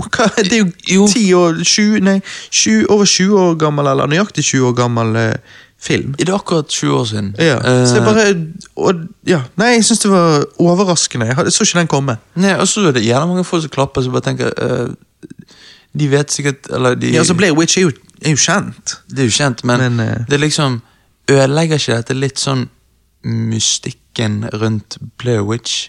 Altså Men det, det gjorde jo i så fall Blair Witch 2. Jo, jo, men vi, vi må jo bare late som den ikke eksisterer. Og det er jo mange som ikke sånn vet at den fins. Nei. Men, men sant, altså, hvis du liksom Hvis du liksom tenker at De remaket jo Blair Witch 2016, sant? Uh, kom ut med en ny film. Mm. Uh, den var jo ass. Sant? Uh, og så Å ja, den har jeg helt glemt, ja. Ja, nei, Ja. Har, har du sett den? Nei. Nei, nei. Så kanskje det Ja, ok, så da er jo kanskje spillet begynt Kanskje de begynte Ja. å lage spillet etter den filmen, Ja, kanskje? jeg tror, men fordi at, jeg tror for det er et shot i, denne, i den traileren Så der du får se et sånt tre så liksom med, sånn, med sånn rød bakgrunn, og det er jo coveret på remaken. Ok. Så jeg tror det er sånn her litt sånn Ja, det, det, den- det, ja, det er en viderebygging på Ikke nødvendigvis viderebygging på plottet i den nyeste Blair Witch-filmen, men det er i hvert fall tydelig inspirert til samme greien. Ja, Ja. Samme, samme brandingen bak det. Ja. Jeg skjønner. Men jeg liker det som gjør Blair Witch så kule, den originale, er jo det at du ikke får se heksen. Ja? Ja. men her får du se en slags glitchete eh, vesen av og til. sant? Og ja, men for det meste var jo det sånne folk som sto i hjørnet i bygningen. Og det var jo mye sånn typisk Blair Witch-shit. Jo, jo, det er stilig. Men så er det liksom sånn Du går rundt i skogen og venter på å se et eller annet. Men så får du se et eller annet. Men jeg skulle ønske du bare ikke fikk se noe. For det er jo det du ikke får i original. Det er jo det som gjør den skummel. Ja. Så er det, egentlig et, er det egentlig en film å lage et spill fra? Jeg tror Altså, jeg i hvert fall når jeg så traileren, så tenkte jeg ok, du er aleine hjemme, lysene av, det er mørkt Ja. ute, det regner, og du sitter aleine og spiller Blair Witch på Xbox.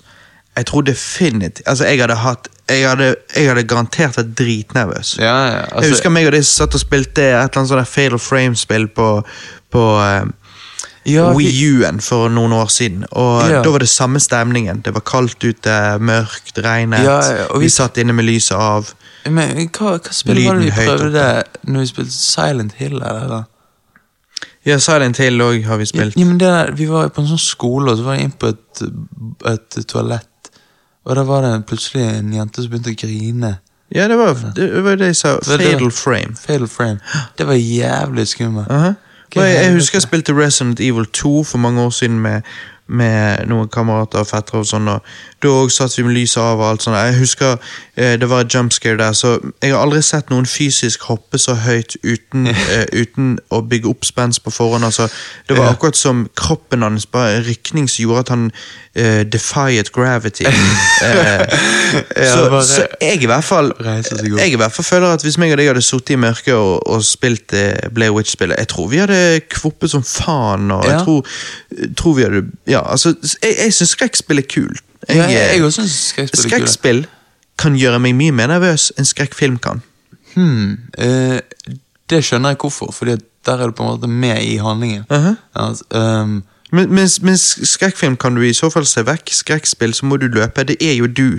Du spiller jo. ja, jeg vet. Det er Du det som dør jo hvis ikke du stikker av, eller whatever. Ja, Men det er det som gjør det så gøy. Mm. Så, men, men det er litt dumt. Er det bare Xbox du kan spille dette på?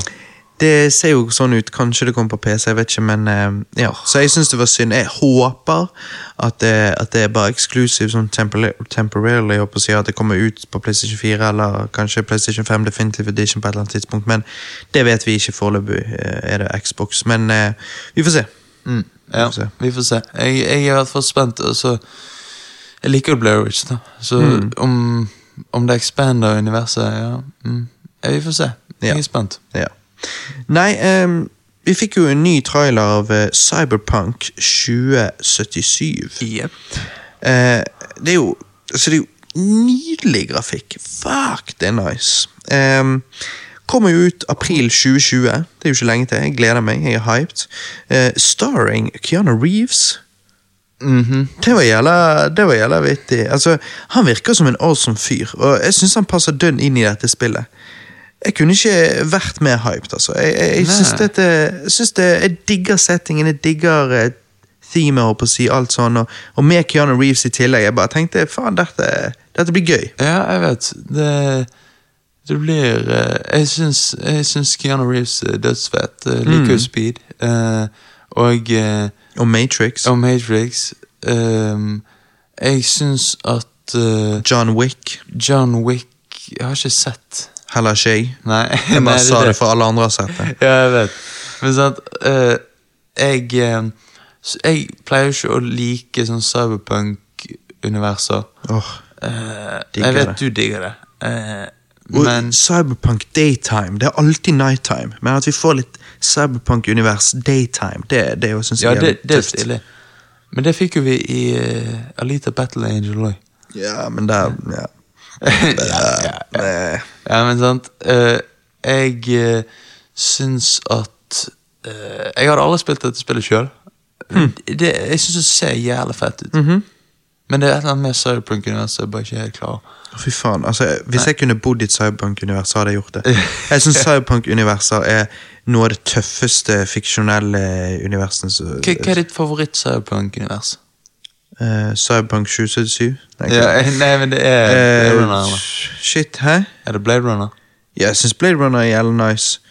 Um, Men men, jeg, men jeg lurer på om jeg syns Cyberpunk 2077 er faen meg det beste versjonen av Cyberpunk-universet jeg har sett hittil. Jeg bare liker alle versjoner jeg har sett av Cyberpunk-universet, men, Ja, okay, men ja, Blade Runner-universet er stilig. Likevel den originale Blade Runner-filmen syns jeg ikke så mye om. Eh, jeg, har bare aldri forstått den. Jeg, aldri, jeg sier ikke han er dårlig, men Men, men ehm, eh, Og så, så har du eh, Blade Runner 2049. Den syns jeg er fantastisk.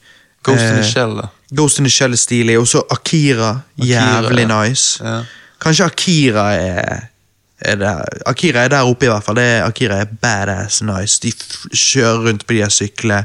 Arkader. Det er liksom eh, Du har Megazone 23. Det, jeg, jeg liker sånn der eh, når, når det ser ut som de Cyberpunk-universet hvor det ser ut som de er litt stuck i 80-tallet. De har arkademaskiner og sånt. liksom. Ja, ja, Jeg syns det er kult. Og Ja, det- biler ser ut som de er stuck i 80-tallet og sånn.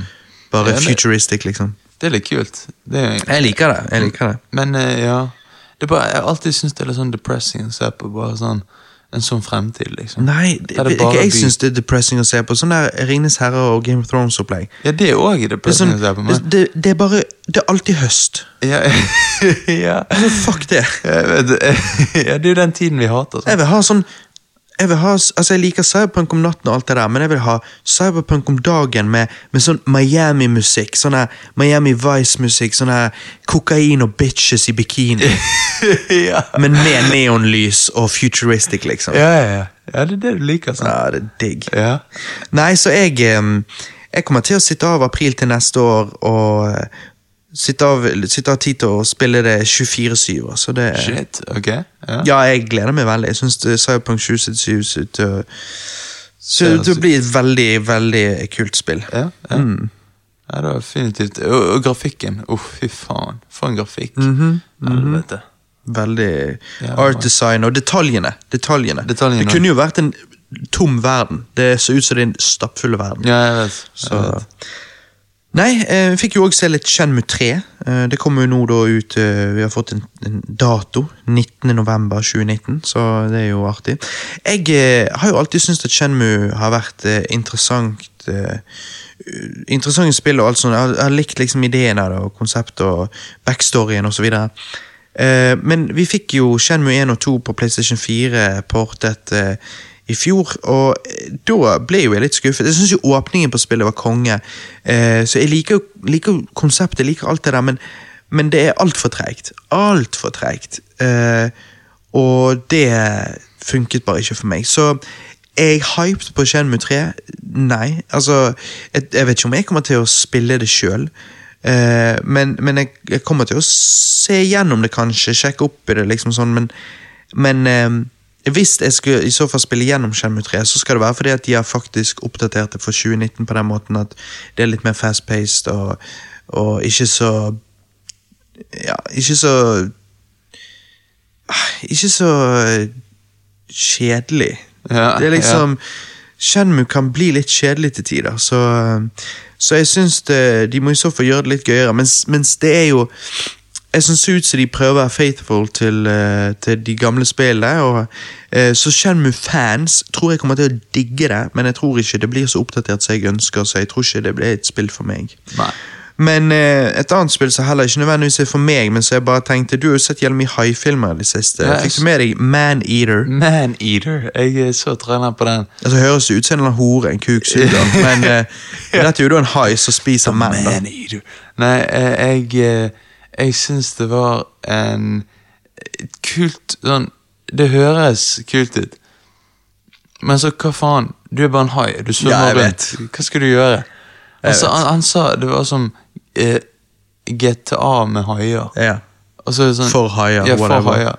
Ja, eh, så du sier det å kjøre rundt i en bil eh, der det eksploderer og skyter folk, er akkurat det samme som å svømme rundt i havet som en hai. Det liksom, jeg ser ikke hvordan det kan være så jævla spennende, men Nei, heller ikke jeg. Men, men jeg bare tenker, hvis du har en litt Altså, noen har jo haier som sitt favorittdyr.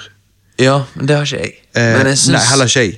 Men, men har du det, så tror jeg det er jævla fett. Ja, ja. Altså, det er sånn Hadde vi hatt um, Altså, jeg ville gjerne hatt uh, ikke, ikke licensed Løvenes kongespill, men jeg, men jeg ville gjerne hatt et liksom løvespill på savannen. Ja, ja, ja. Det kunne jeg spilt, liksom. Altså, Selvfølgelig, sånne type spill er jo ofte ikke så bra, men, men Nei, jeg, liksom, jeg kunne vært åpen for det, hvis det hadde vært bra. Sånn. Jeg vet det, men det trenger Så- litt mer kjøtt på beina. Liksom. Det gjør jo det. Det, gjør jo det. Det, det, noe, det er litt sånn tomt der. Kanskje, kanskje sånn type dyrespill hadde fungert best som er sånn delt opp i tre. Hvor du, la oss si du spiller high i første akten, så, så går du videre til å være i savannen og løpe rundt som en løve, og så i, i tredje del av spillet så er du et annet dyr. Altså, Ja, det å dedikere ett spill til ett dyr blir kanskje litt sånn eh, ensidig. Mm, mm, det blir det. Men kanskje òg et spill som hadde fungert akkurat som Walking Dead eh, Telltale.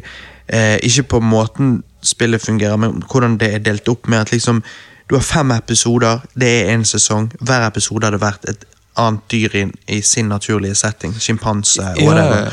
ja, Slenge seg rundt i trærne. Altså, jeg sier det- ikke at dette dette, dette er ikke det beste ideen for et spill, men hvis du først skal gjøre dyrespill, så tror jeg du skal lage ett spill med flere Jo, men ja, er jo, Der du kan være flere dyr. Jo, men tingen er jo Du vil jo helst være et byttedyr. Fordi da er det sånn, da er det flere ting å gjøre. Ja, du må, du må gå av hvis det er tørke, sant? så må du dra lang La oss si det var Du en spille, ja, du vil jo spille et, et spill hvor du er dyr som skal dominere et område òg. Ja. Det blir jo litt så i GTA. Du må dominere ditt gjengområde i San Andreas. Ja, sant? sant. Eh, På dette spillet så må du se på mappet og så liksom Å, shit, den andre løveflokken begynner å utfordre ditt område. ja, så slåssing, sant, sånn paring eh, i, i, sånn jakt, jakt og sånn. sant? Ja, ja. Eh, du må liksom gjemme deg fra andre dyr som prøver å eh, ta deg. sant? Og Sånne ting kan være litt interessant, men det å bare svømme rundt som en hai og spise og liksom Men det, så, det var jo mye eksplosjoner og stæsj, så Jo, det var jo det. Så det jo jeg tror de lager mye sånn set pieces, så på å si. Over the top. top. ja. eh, ja. Men nei da, så, men er du en haifan, så tror jeg, så syns jeg det bare Traileren var kul, liksom. Så. Ja, ja. Um, vi fikk jo så veldig mye av Final Fantasy 7-remaken denne E3-en. Um, og det ser jo nydelig ut. Altså, helvete for en eh, HD-remake, holdt på å si. Det, det så jo helt fantastisk ut sånn sett. Men fightingen i spillet liker ikke jeg personlig. Jeg tror folk flest digger det. Eh, Men jeg er jo en retro-gamer, så jeg liker den gamle måten man fighter på i det originale spillet, liksom, og, og de fleste gamle RPG-spill. Jeg kunne virkelig ønske at man kunne velge spillestil, sånn at du kunne enten gjøre det på den der eh, måten de gjør det, eller man kunne gjøre det sånn som jeg hadde hatt lyst, med liksom mer sånn turn-based eh, opplegg. Um, siden dette spillet basically da er fighting, karakterutvikling og story, og de da har fucket opp hele fight-systemet fra mitt perspektiv, håper jeg å si, så kommer ikke jeg til å spille remaken eh, når jeg bare kan spille original igjen. Eh, ser spillet visuelt sett nydelig ut? Som sagt, det gjør jo det. Så det er jo det jeg syns er synd med at jeg er stuck med originalen.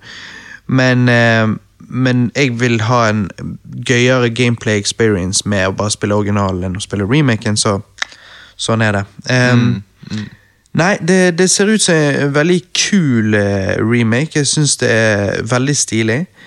Ehm, så jeg håper folk koser seg med det. Um, og det jeg kommer til å gjøre, er rett og slett å se igjennom det når uh, noen laster opp en Fan Fancy 7 remake The Movie på YouTube, hvor de har klippet sammen alle, alle cutscenesene og whatever. Uh, så jeg, jeg kommer til å se det, og jeg kommer til å kose meg med det. Så that's it for meg, dessverre. Eh, spillet kommer ut av mars 2020, så det er veldig kult at det òg snart kommer. Um, Koselig. Vi fikk jo òg se Avengers. Nei, hæ? Avengers-spill. Har ikke du sett det? Ja, men hva, På hvilken konsoll? Eh, PlayStation 4? Oh, shit! Wow, nei, det er ikke For vi hadde jo Spiderman i fjor, sant? Dette er ikke de Ja. samme folkene som lager det, men vi hadde jo Spiderman i fjor. Mm -hmm. um, og, og jeg digger jo Spiderman, og jeg syns det var gøy. Her er det Avengers. Her, kan du, sp her spiller du uh, Hulken. Du spiller Iron Man, du spiller Thor, du spiller Black Widow ehm, og Captain America. Ja, Mm. ja, shit. Så alle fra eneren, ja. Eh, Utenom Hawkeye. ja, Hawkeye. Så ikke han er inni der et sted, men Ja, han bør jo det. Uh, men altså, Hulken Det er jo jævla fett, da. Bare slenge seg fra bygning til bygning og smashe. Og... Ja, her hopper han i traileren, hopper ut av et helikopter eller et eller annet sånt. Bare som seg sjøl. Og så ja. blir jo han til hulken i luften, da, for Ja, ja. Han blir jo, hulken blir jo selvfølgelig da truet med å dø, kan du si, når, når Bruce Banner bare slenger seg ut sånn som det. Så smeller han ned i asfalten og bare løper bort og smekker til folk. Og... Nei, det ser veldig kult ut. Um, men jeg har jo, har jo allerede mitt favoritt-Marvel-spill. sant? Uh, Spiderman, som kom ut i fjor. Ja. Eh, og der har jeg ikke ennå spilt igjennom DLC-ene. Så jeg tror nok personlig at jeg heller bare gjør det, da. Eh, men jeg syns det så veldig kult ut. Eh, så hvis spillet får ekstremt gode anmeldelser, så plukker jeg det muligens opp. Det er bare synd at vi ikke får Spiderman inni her. Men de teaset at PlayStation 4-folkene kommer til å få noe ekstra. Så kanskje de får Spiderman, eh, eller vi får Spiderman. Ikke helt sikker, men vi får se. Vi kan håpe, da. Kan håpe. Ja. Det bare ville være litt rart å gi PlayStation 4-folkene såpass stor kul ting, mens de andre konsollene ikke får det. Um, så det hadde overrasket meg litt, så jeg bare antar at det må være noe mindre enn det. Men hvis vi kan få Spiderman i da, da er jeg der. 15. mai 2020, så det er heller ikke så lenge til. Det blir mye, altså Våren 2020 blir fylt med veldig mye gode spill. Altså. Ehm, vi får jo nå endelig Dragon Quest 11 på Switchen. Um, 27. september 2019. Det syns jeg var eh, artig å se, for det er jo en det, er definitive edition med liksom Du kan spille det i eh, Altså Når vi snakker om det å kunne velge stil, her kan jo du faktisk switche over til å spille det som om det var et Super Nintendo-spill. Plutselig går det fra nydelig grafikk og nydelig dybde og 3D og alt sånn, og så kan du bare switche over til 2D, og så bare plutselig er det overview, akkurat så Zelda Link to the Past eller gamle Fall Fancy-spillet, liksom. Shit. Og så ser du ovenifra, og så er det pixel art. Pixel art. Pixel arts. Nei, men sånn, så jeg bare syns det var uh, Ja. Det, det så veldig kult ut, eh, så Ja. Jeg, jeg husker ikke om jeg har Dragon Quest 11 på PlayStation 4 fra før, eller om eh, jeg har eh, med vilje ventet til det skulle komme på Switchen. Kan ikke Ah. huske det. Jeg må sjekke det. Jeg har så mye spill at jeg må rett og slett sjekke. Ehm, men ja. Nei, så Det blir spennende. 27. september 2019, Dragon Quest 11 er på Switchen. på Switch. Ja, men, jeg- hvor, mange, hvor mange spill til har du gått gjennom? Eh, noen? Ok, ja. Eh, Kan vi Har du sett noen av Nintendo-spillene? Ja, ett til jeg har sett gjennom. Det Dark Crystal-spillet. Ja, det kommer vi til. Kommer vi Ja, Uh, Luigi's Mansion 3. Hmm. Hvert nye Mario-spill eh, så er ting relativt annerledes. sant? Altså Uansett om Vi snakker jo liksom Du har jo Galaxy 1 og 2. Eh, men det er jo masse nytt og awesome der. Men liksom som oftest så er jo liksom fra Nintendo 64 til GameCube til Wii til Switchen, så er det relativt eh, ny, ny ting, syns jeg, da. Um, ja, Det vil jeg absolutt påstå med Mario-spillet. Så det at Luigi Mansion 3 er liksom bare så tydelig bare Virker jo nærmest bare som DLC, på en måte. Ehm, så ser jeg liksom, og jeg som ikke har spilt gjennom Luigi Mansion 1, men har det på, på GameCube, jeg ser jo ingen grunn til å kjøpe treeren. Nei, nei, nei. Altså, hvorfor skulle du det? Det, det virker bare liksom ikke helt nødvendig. Eh, ser det gøy ut? Jo da, men eh, Ja. Jeg hadde tatt imot det hvis jeg fikk det av noen, liksom. Men eh, jeg slenger ikke ut eh, full sum for eh, Skal ikke punge ut for det? Nei, jeg gjør dessverre ikke det. Men nei, nå, kommer, nå har jeg her i notatene mine her det du nevnte. og I notatene mine har jeg skrevet 'wow, what?' med store bokstaver og spørsmålstegn utropstegn. Dark Crystal-spill på Nintendo Switchen i sånn Final Fantasy Tactics-stil. Awesome. Det skal jeg ha. har jeg skrevet. Ja. eh, fordi at eh, Dette heter jo da Dark Crystal Age of Resistance, eller eh, hva søren det heter. Er den nye Netflix-serien da, dette skal være til. Eh, da, da, da, da, da, Tactics heter det. Så det er jo tydelig at det, det er sånn akkurat som Fun Fancy Tactics, og jeg digger jo Fun Fancy Tactics på PlayStation 1. Um, så jeg, jeg, eh, jeg tenkte ja, kult, dette kan jeg eh, Jeg liker Dark Crystal, liksom. Ja, altså, jeg, digger det. Bare sånn, jeg bare så traileren og tenkte sånn, å faen, fy faen. For du ser originalfilmen igjen. Altså sånn, eh, Dark Crystal er awesome. Um, og um, uh, men, men liksom, det, det skulle være på Nintendo Switch. Shit. Ja. Ja, men det, det ser gjerne bra ut. Ja, altså det er jo sånn Det er jo bare et lite, ubetydelig spill, liksom, men altså, det er jo ikke sånn stort Nei, men spill, men Det at eh, Dark Crystal fortsatt er i popkulturen, liksom, blir liksom akseptert. Er ja, og jeg, eh, jeg gleder meg til den nye Netflix-serien. Ja, ja, ja, den, fy faen. Så det, det blir spennende. Når den kommer, så skal jeg eh, uh, Sorry. Så skal jeg uh, se Jeg er velhyped. Jeg er veldig hyped. Jasp! Nei da, men uh, eh, Da skal jeg ta og se eh, Dark Crystal-filmen på nytt, og så har jeg faktisk begge Dark Crystal-mangaene. Så skal jeg ta og lese de. Ja, ja. Likevel, eh, det den serien som kom på Netflix, er jo eh, en eh, prequel satt 100 år før Ja. originale filmen. Men eh, det er jo liksom gøy å hype seg sjøl litt opp. Next! Next. Links Awakening-remaken. Han ser jo dritfet ut, da, og jeg skal definitivt ha han. Men hvorfor må Link ha sånne ditto-øyne Fordi at Nintendo er jævlig rar til tider? til tider. Nei, Jeg syns de øynene så jævlig dumb ut, men eh, sånn er det nå. 20. september. Åh, gleder meg. Det er ikke lenge til. Det er liksom så det, Når jeg ikke er på en måte på bølgelengde, så må du ha en cast med deg sjøl. Ja, ja, Åh, jeg gleder meg. Ah, digg. Tri trials, Trails, Trials of Mana. Hæ? Trials. Hæ? Ja. Dette er da altså remaken av Super Nintendo-spillet Seiken Densetsu 3. Seiken Densetsu 3. Ja, det er japansk, så du må si det på japansk. Ja, eh, ja, men liksom, det høres ut som Det høres japansk ut bare i seg sjøl. ja, ja, det gjør det. Eh, dette er jo da oppfølgeren til eh, det vi kjenner som Secret of Mana.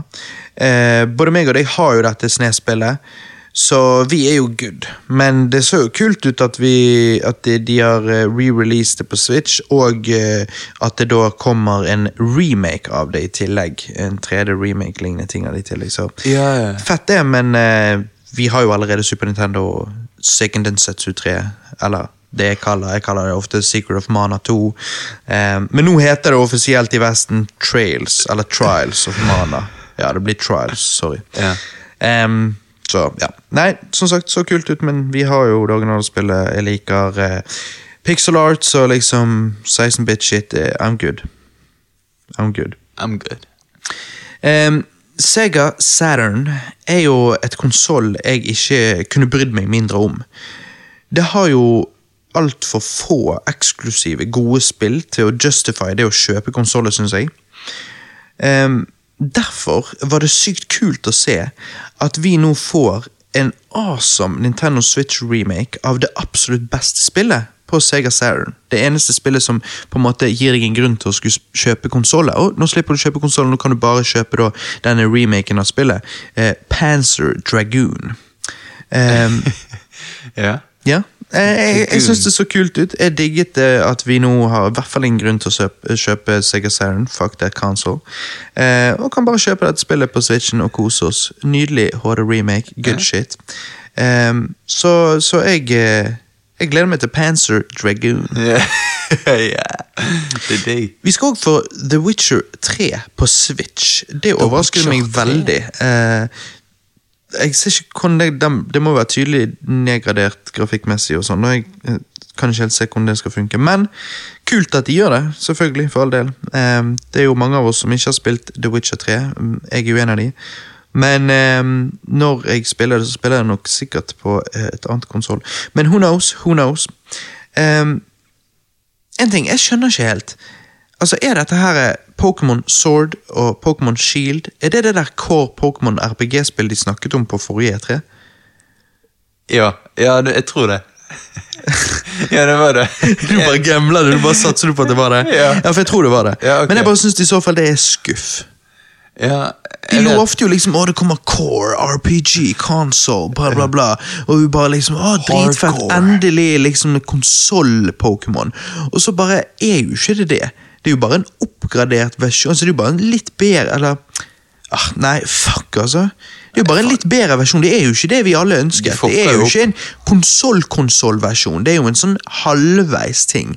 Det er liksom Let's Go Pikachu, bare litt bedre. Det er liksom, ja, Av og til går kameraet litt lenger ned, så du får se litt mer horisonten, men bro, mye av tiden er kameraet egentlig der det pleier å være til del, så jeg er ikke imponert. Så Pokémon Sword and Shield, det driter i det, altså. Al- al- Altså, enten Enten la være- Enten la være å gjøre det, eller gå all the way.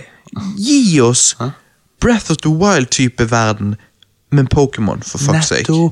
Jeg skal ha legit shit. Åh, nei. Shit. Fuck, fuck Pokémon. Jeg Når jeg spilte igjennom Let's Go Pikachu sist, så bare Da bare Nei, vet du hva, jeg er mett. Pokémon, jeg I'm good. I'm good. Det er litt artig å se at vi får Nino Kuni på Switchen. Eh, at de porter den.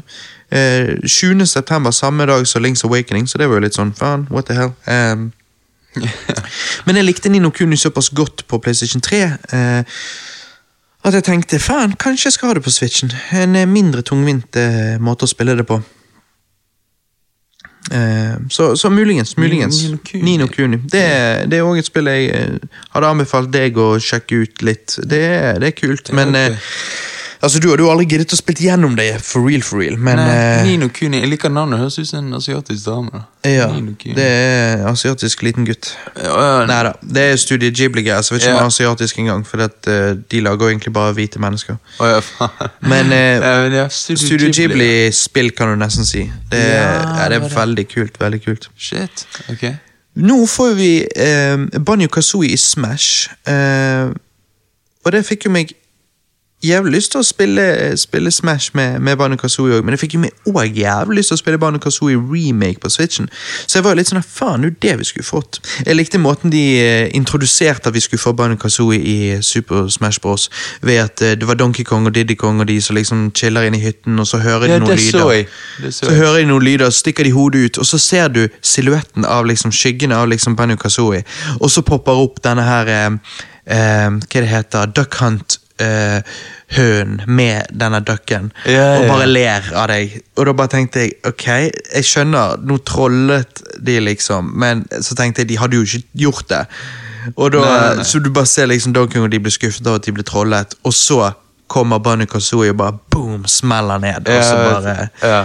Eh, så jeg syns det var dritkult. Det er et samarbeid jeg aldri hadde forventet etter at Rare selvfølgelig ble kjøpt opp av Microsoft. Det at uh, vi kan få et sånt samarbeid eh, med Rare igjen uh, og Nintendo, det syns jeg var veldig stilig. Så jeg um, fikk liksom veldig lyst til å um, å spille eh, Banjo Kazooie remake på Switchen, eller hvis vi kan få Nintendo 64 eh, eh, Mini.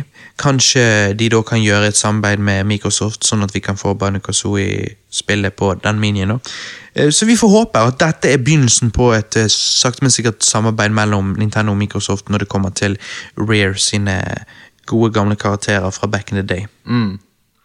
Og så, til slutt, under E3, eh, Nintendo sin E3-konferanse, så får vi Zelda Breath of the Wild DLC. Nei. Et helt nytt spill. En oppfølger av Breath of the Wild. Fy faen! Fy faen! Jeg synes Det var jævla sykt. Det, for det, det vittige er at Jeg har faktisk gått rundt siden Breath of the Wild og sagt at jeg vil ha det, og at jeg tror vi kanskje kan få det. For det at når Ocarina of Time kom ut på Nintendo 64 back in the day, så eh, brukte Nintendo de eh, assetsene de hadde etter de hadde lagd Ocarina of Time, og så fastpacet de i gang eh, med ikke, Det heter ikke fastpacet, men eh, de, de gønnet på eh, med å lage Majora's Mask, da, med samme game engine og, og alt dette her. Fordi at det var jo da lettere å gjøre. sant? Men Majora's Mask kom ut bare to år seinere, og var jo derfor et mye mindre spill. da. Eh, likevel er veldig stilig og alt sånn.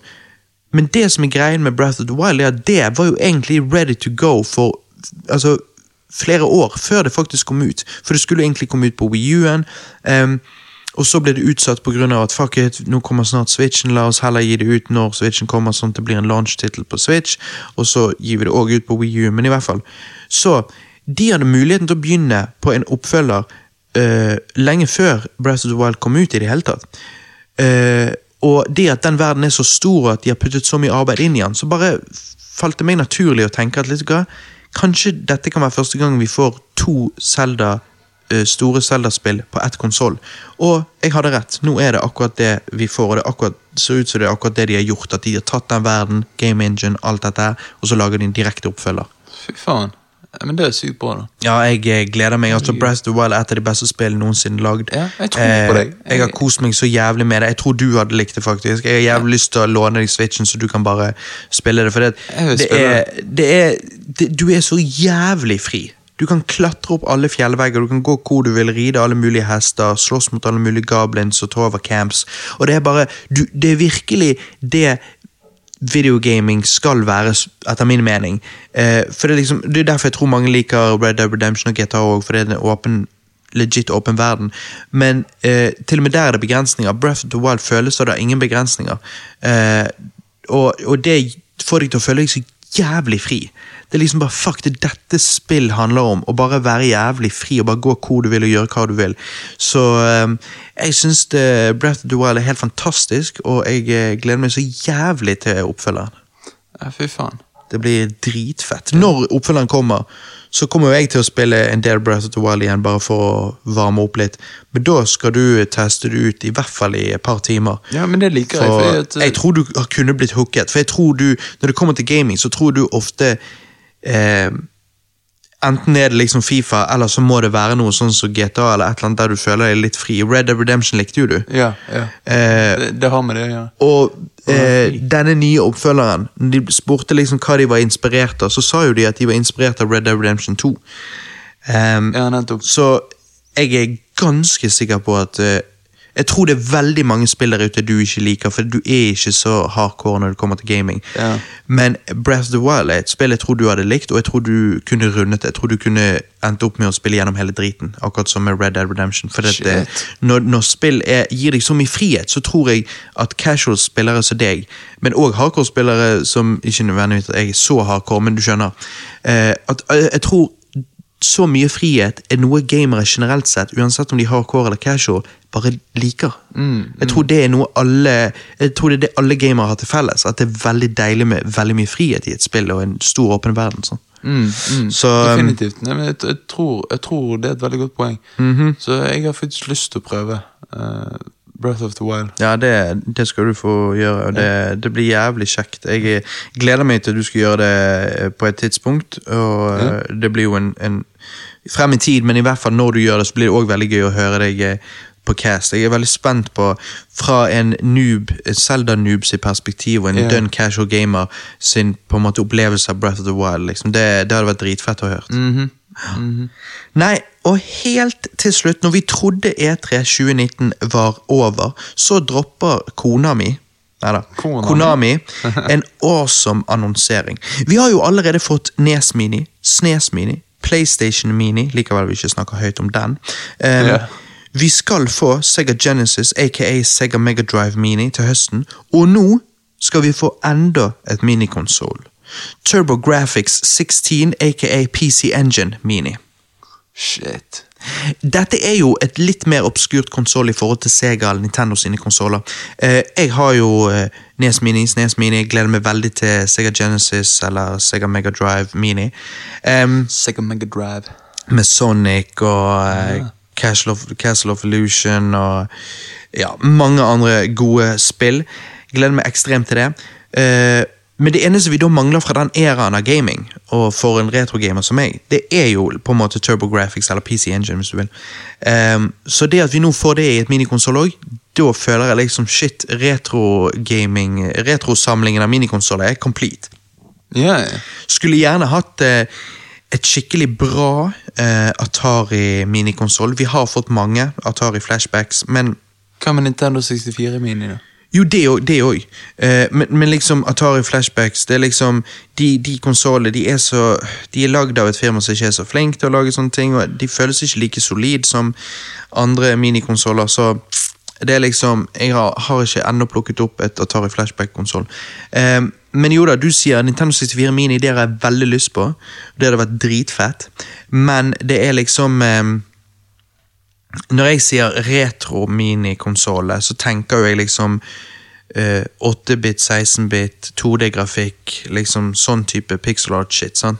Ja. Eh, så, så jeg syns jo det er liksom Ja, da er det good. Eh, men jeg tar gjerne en Nintendo 64 Mini òg. Det sier jeg ikke nei takk. Nei, nei, nei. Eh, så jeg har veldig lyst på det. Og shit, jeg kunne til og med tatt et PlayStation 2 Mini.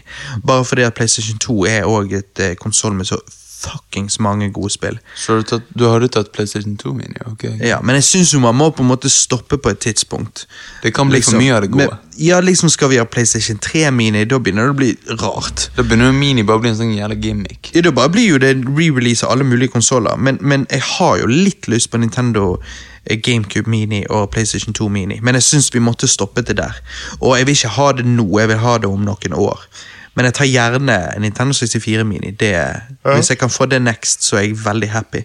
Men jeg gleder meg veldig til TurboGrafx PC Engine, um, for dette er konsoller jeg ikke er så kjent med. Jeg har jo alltid visst om dem, men ikke så kjent med dem. Jeg har aldri spilt dem, så jeg gleder meg til å, å endelig få muligheten til å spille dem, for det er jo noen gode spill der òg. Ja, ja. Så det um, Nei, jeg syns det- årets E3 var, fantast, var fantastisk. En av de beste E3-ene på mange år. Eh, Jeg syns Nintendo hadde en av sine beste directs på mange år. Eh, Så E3 2019 var eh, jævla bra, og det får to fucks up fra meg. Zazz. Awesome, Zaz.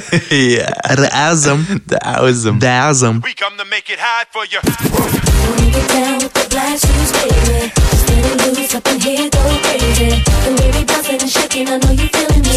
So get up out your come on and now you're feeling me. Wanna get down with the black shoes, baby. Steady loose up in here, go crazy. The way we bouncing and shaking, I know you feeling me. So get up out your come on and now you're Come on. We come to make it hot for you. Whoa. Come to blow down the block for you. Whoa. Come to crack the street for you. Whoa. Blast the windows at your Jeep for you. Whoa. We don't wanna hear a peep, baby. Whoa. Got to recognize the heat, baby. Whoa. It's the M.I.B., baby. Got something for all eyes to see, baby. Whoa. Johannes, vi var jo på kino i går og så Man in Black International. Den nyeste Man in Black-filmen. Yes, det gjorde vi. Ja, det er jo ehm, Jeg liker jo Vi, vi hadde jo Vi hadde jo en podkast her for uh, en liten stund siden, i, uh, tidligere dette året. Uh, Ghostbusters versus Man in Black. Yep. Da anmeldte jo vi obviously Ghostbusters-filmene. Ikke Female Ghostbuster, men ja. Ja. Um, og Man in Black-filmene 1, 2 og 3. Mm. Jeg husker ikke helt hva du syns, men jeg syns jo eneren er jo grei, og toeren er uh, Treeren syns jo jeg er veldig bra. Den digger jo jeg. Ehm, så jeg var jo litt sånn Ja, Man in Black International, spin-off, whatever. eh, det er ikke Will Smith, det er ikke noe sånn, men ok, det er i universet. Det er jo, det er jo Man in Black-organisasjonen, og så er det bare noen andre agenter vi følger. og sånn, så eh, jeg tenkte jo, ja, why not, liksom. Jeg eh, forventer ikke obviously at, at han er like bra som det jeg syns Man in Black 3 er, men eh, jeg tenkte jo, ja ja, det kan jo være artig å se. Så vi gikk jo og så han, og eh, For hva syns du om, om de andre tre Men in Black-filmene? Ja, for jeg syns jo at uh, eneren og toeren er sånn helt grei. Uh, og treeren syns jeg var veldig bra, men samtidig så ble ikke de så veldig sånn grepet av Man in Black-universet, på en måte. generelt sett. Ja. Nei, for det var jo ikke jeg heller, helt til jeg da så treeren. Treeren syns jeg den grep meg litt. Da, ble jeg litt mer eh, hva skulle du si, Man in Black-fan, da, på en måte. Ja, ok, Eh, ja. Bare fordi jeg syns den filmen var såpass gøy. Jeg synes det var en veldig god eh, actionkomedie. Ja.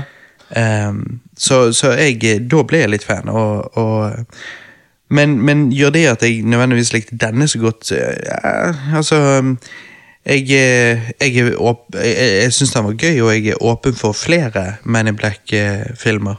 Men det er bare interessant å se, fordi at eh, Kritikerscoren på Rotten Tomato er jo ekstremt lav. Eh, kritikerne hatet jo denne nye Man in Black-filmen. Men publikum eh, mener jo at han er bedre enn Ja, bedre enn toeren og treeren.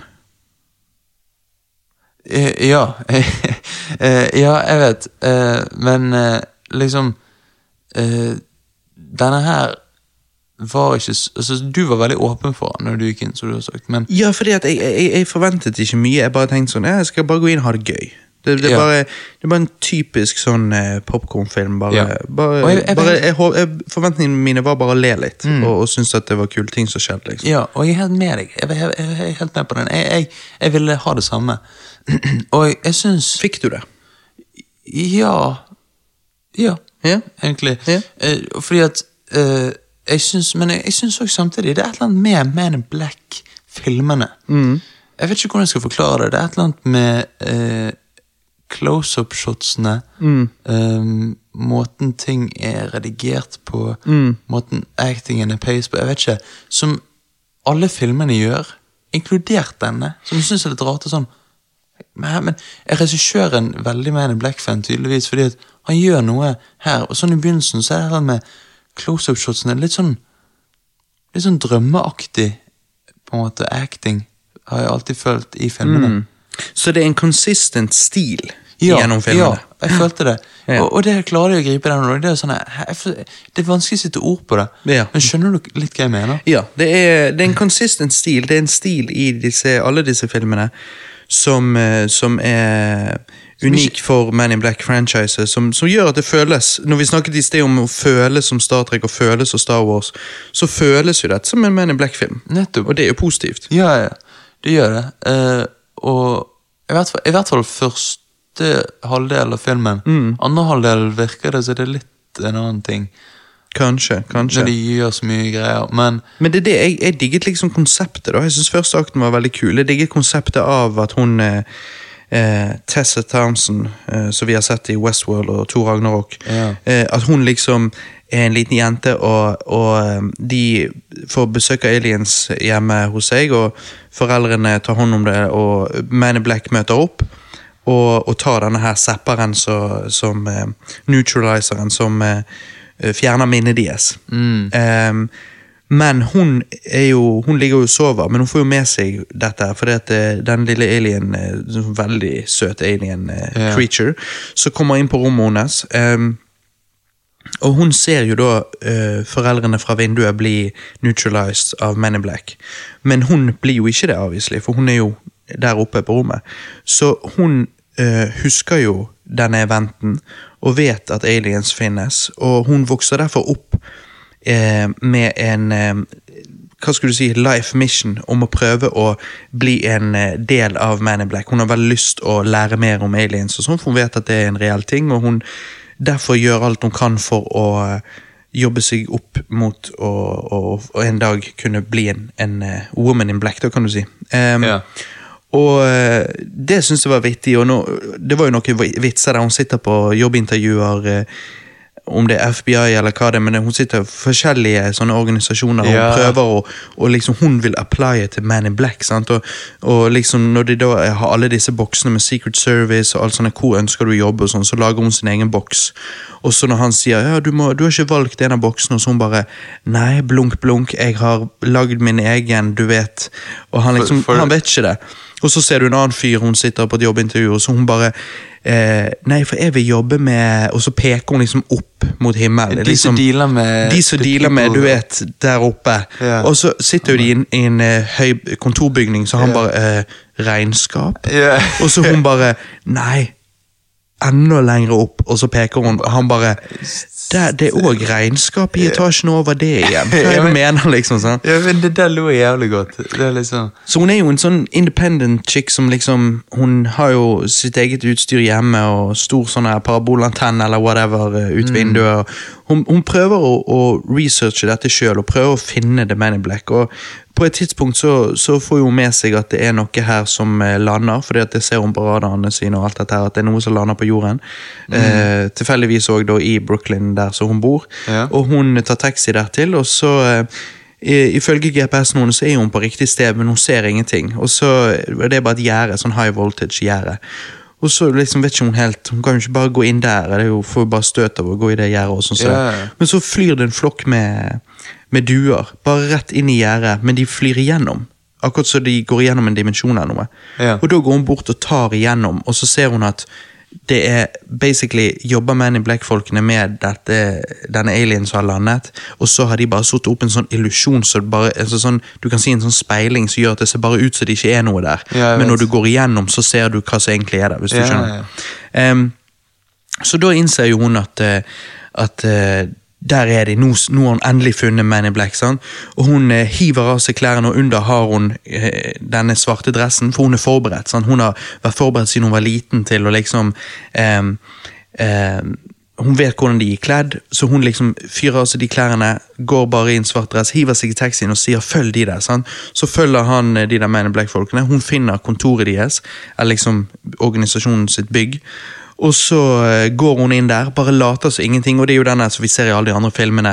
Ja, Han der eh, late eh, security-vakten som bare sitter der alltid og leser avisen. Ja. Og så bare går hun igjennom, og så bare sier hun et par sånne ting som bare later som hun liksom òg er bare en som jobber der. Ja, sånn. Eh, og så sier han der lille alien-bikkjen som vi har sett i toeren eh, og treeren kanskje litt, Han bare eh, 'Hallo, skal du bare la det der gå', sier han til han av vakten, og han vakten bare 'nei da'. Jeg, og så tar han walkietalkien, og så sier han eh, 'Code Black'. Ja, Code Black. For da er det en intruder. Så hun begynner å gå ned i den heisen, hun ser kontorene, og så bare plutselig dropper heisen mye lenger ned.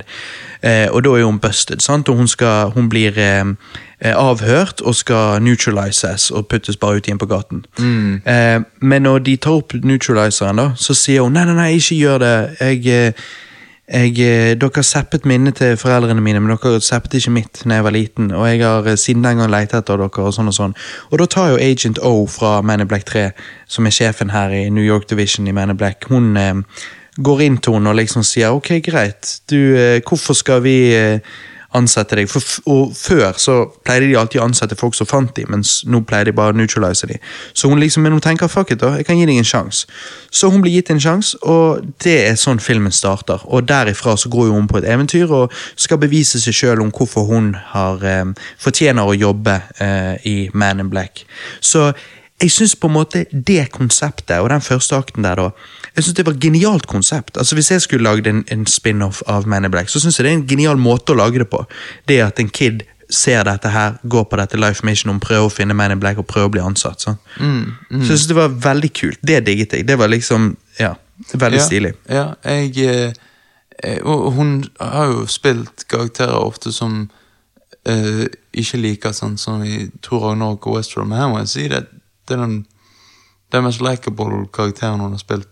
Nettopp. Og jeg syns hun eh, Syns hun fikk det til. Ja.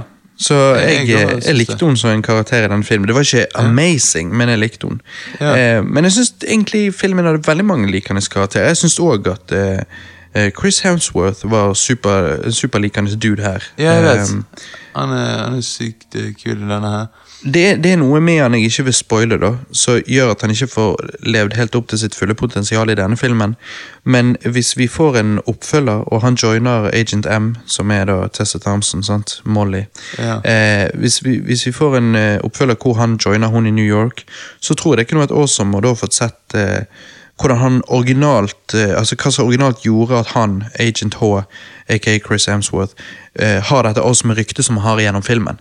Eh, og det, alt jeg sier nå er jo på en måte sånn Du må jo eh, ha sett filmen for å skjønne det helt, men det er liksom som sagt Han har et godt rykte om å være en fantastisk eh, agent. Eh, men det er noe der som gjør at han ikke er helt seg sjøl i denne filmen. Men det ender jo sånn at han er seg sjøl igjen, og vi, eh, vi eh, ja, jeg da derfor tenker at det hadde vært kult i en oppfølger av denne filmen, hvor vi da får se han være den agenten han blir sagt å være, sammen med Agent M, som vi nå har eh, som nå er blitt en del av Man in Black, og så og var ganske likende. Så de to sammen i en oppfølger av den tror jeg kunne vært enda bedre og enda gøyere. Ja, ja. Jeg, eh, jeg ser den. Mm, Med humoren i filmen, da. humoren i filmen det, Funket ikke alltid, men som oftest var den relativt god. Ja, som oftest var den bra.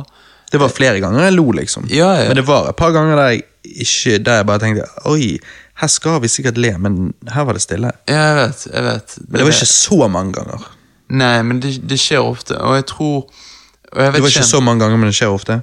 Nei, eh, ja, jeg syns det skjedde. Du syns det skjedde ofte? Ja. Ok, jeg, jeg synes, Altså, det skjedde jo en sånn håndfull ganger, men La oss, si, la oss si en fjerdedel av vitsene landet ikke, så de andre tre fjerdedelene landet jo og syns det var Noen lo er høyere av enn andre, men jeg syns som oftest det funket. Ja, ja, altså det jo ikke sånn painfully eh, liksom dårlig, men ehm, det er litt sånn der eh, Det er altså Litt denne Marvel-formelen med litt skal være sånn kjapp eh, replikk, sånn at du skal så um, At de, de De sier en spøk, og så lar de liksom Det går litt tid for at Akkurat som i en sitcom. Ja, det er ja, liksom for- 'nå skal du le', Ja, skal bare det er ikke laugh track her. Ja, det er det. Så folk blir litt sånn Litt, her eh, ja.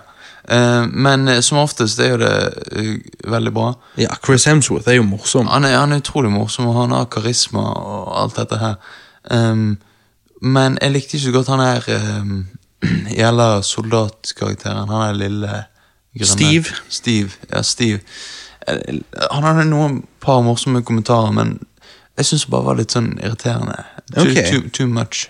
Ok, for jeg syns han var ganske kul. Jeg syns ikke han var perfekt, men Nei. ehm, bare men, jeg syns han var ganske kul. En sånn, da snakker vi om en sånn liten alien. Jeg tror, jeg tror du får se de i Men in Black 3. Ehm, eller hans type rase, da, av aliens. Men, ehm, men han er jo da rett og slett en eh, Han kaller seg sjøl en pan, altså som i et sjakkbrett. Eh, Ja. han, eh, det er jo liksom dronningen som er eh, den store, men hun eh, dør jo, og, derfor blir jo Tessa Thompson, eller Agent M, blir jo hans nye dronning, så han eh, følger gjennom filmen, så han blir liksom det, Men treeren òg har jo liksom en karakter som er en sånn side eh, Ja, han er som kan se frem Se alle mulige fremtider og sånn. Han Ja, blir jo han, ja. liksom Hva det heter eh, Når du har en sånn sidekarakter som er liksom comic relief. Ja, comic Eh, relief. så blir jo Steve i denne, da, denne lille alien Blir jo liksom the comic relief character, på en måte. Jo, men han i Men Black 3 han er mye, mye gøyere enn han her. Altså, Ja da, det er jeg enig i, men, men jeg bare syns han her òg funket. ja. Men, Jo, jo. men han var ikke, jeg syns han var dritbra, men han funket. Ja, ja, ja. jeg kan se det. Men um, så, Ja. Nei, hva? Nei, Jeg har bare noe å si om noe du sa tidligere. Eh, du sa jo delvis positivt om det, da, men, men akkurat i denne filmen så var det bare noe med at liksom, Jeg var enig i det der, som du sa i sted, med at liksom, det føles som Men in Black, på en måte. Eh, med close-ups, og hvordan de gjør forskjellige ting, så bare gir de den følelsen. Det er en consistent stil. Men jeg bare syns cinematografien i denne filmen kunne vært bedre. Jeg syns den var bedre i, i Man in Black 3. Eh, det føles liksom ikke som om eh, Det føles ikke som om filmen var så veldig cinematisk. Ikke så cinematisk som du forventer av en kinofilm, liksom. Og jeg syns da Man in Black 3 var mer en sånn skikkelig blockbuster.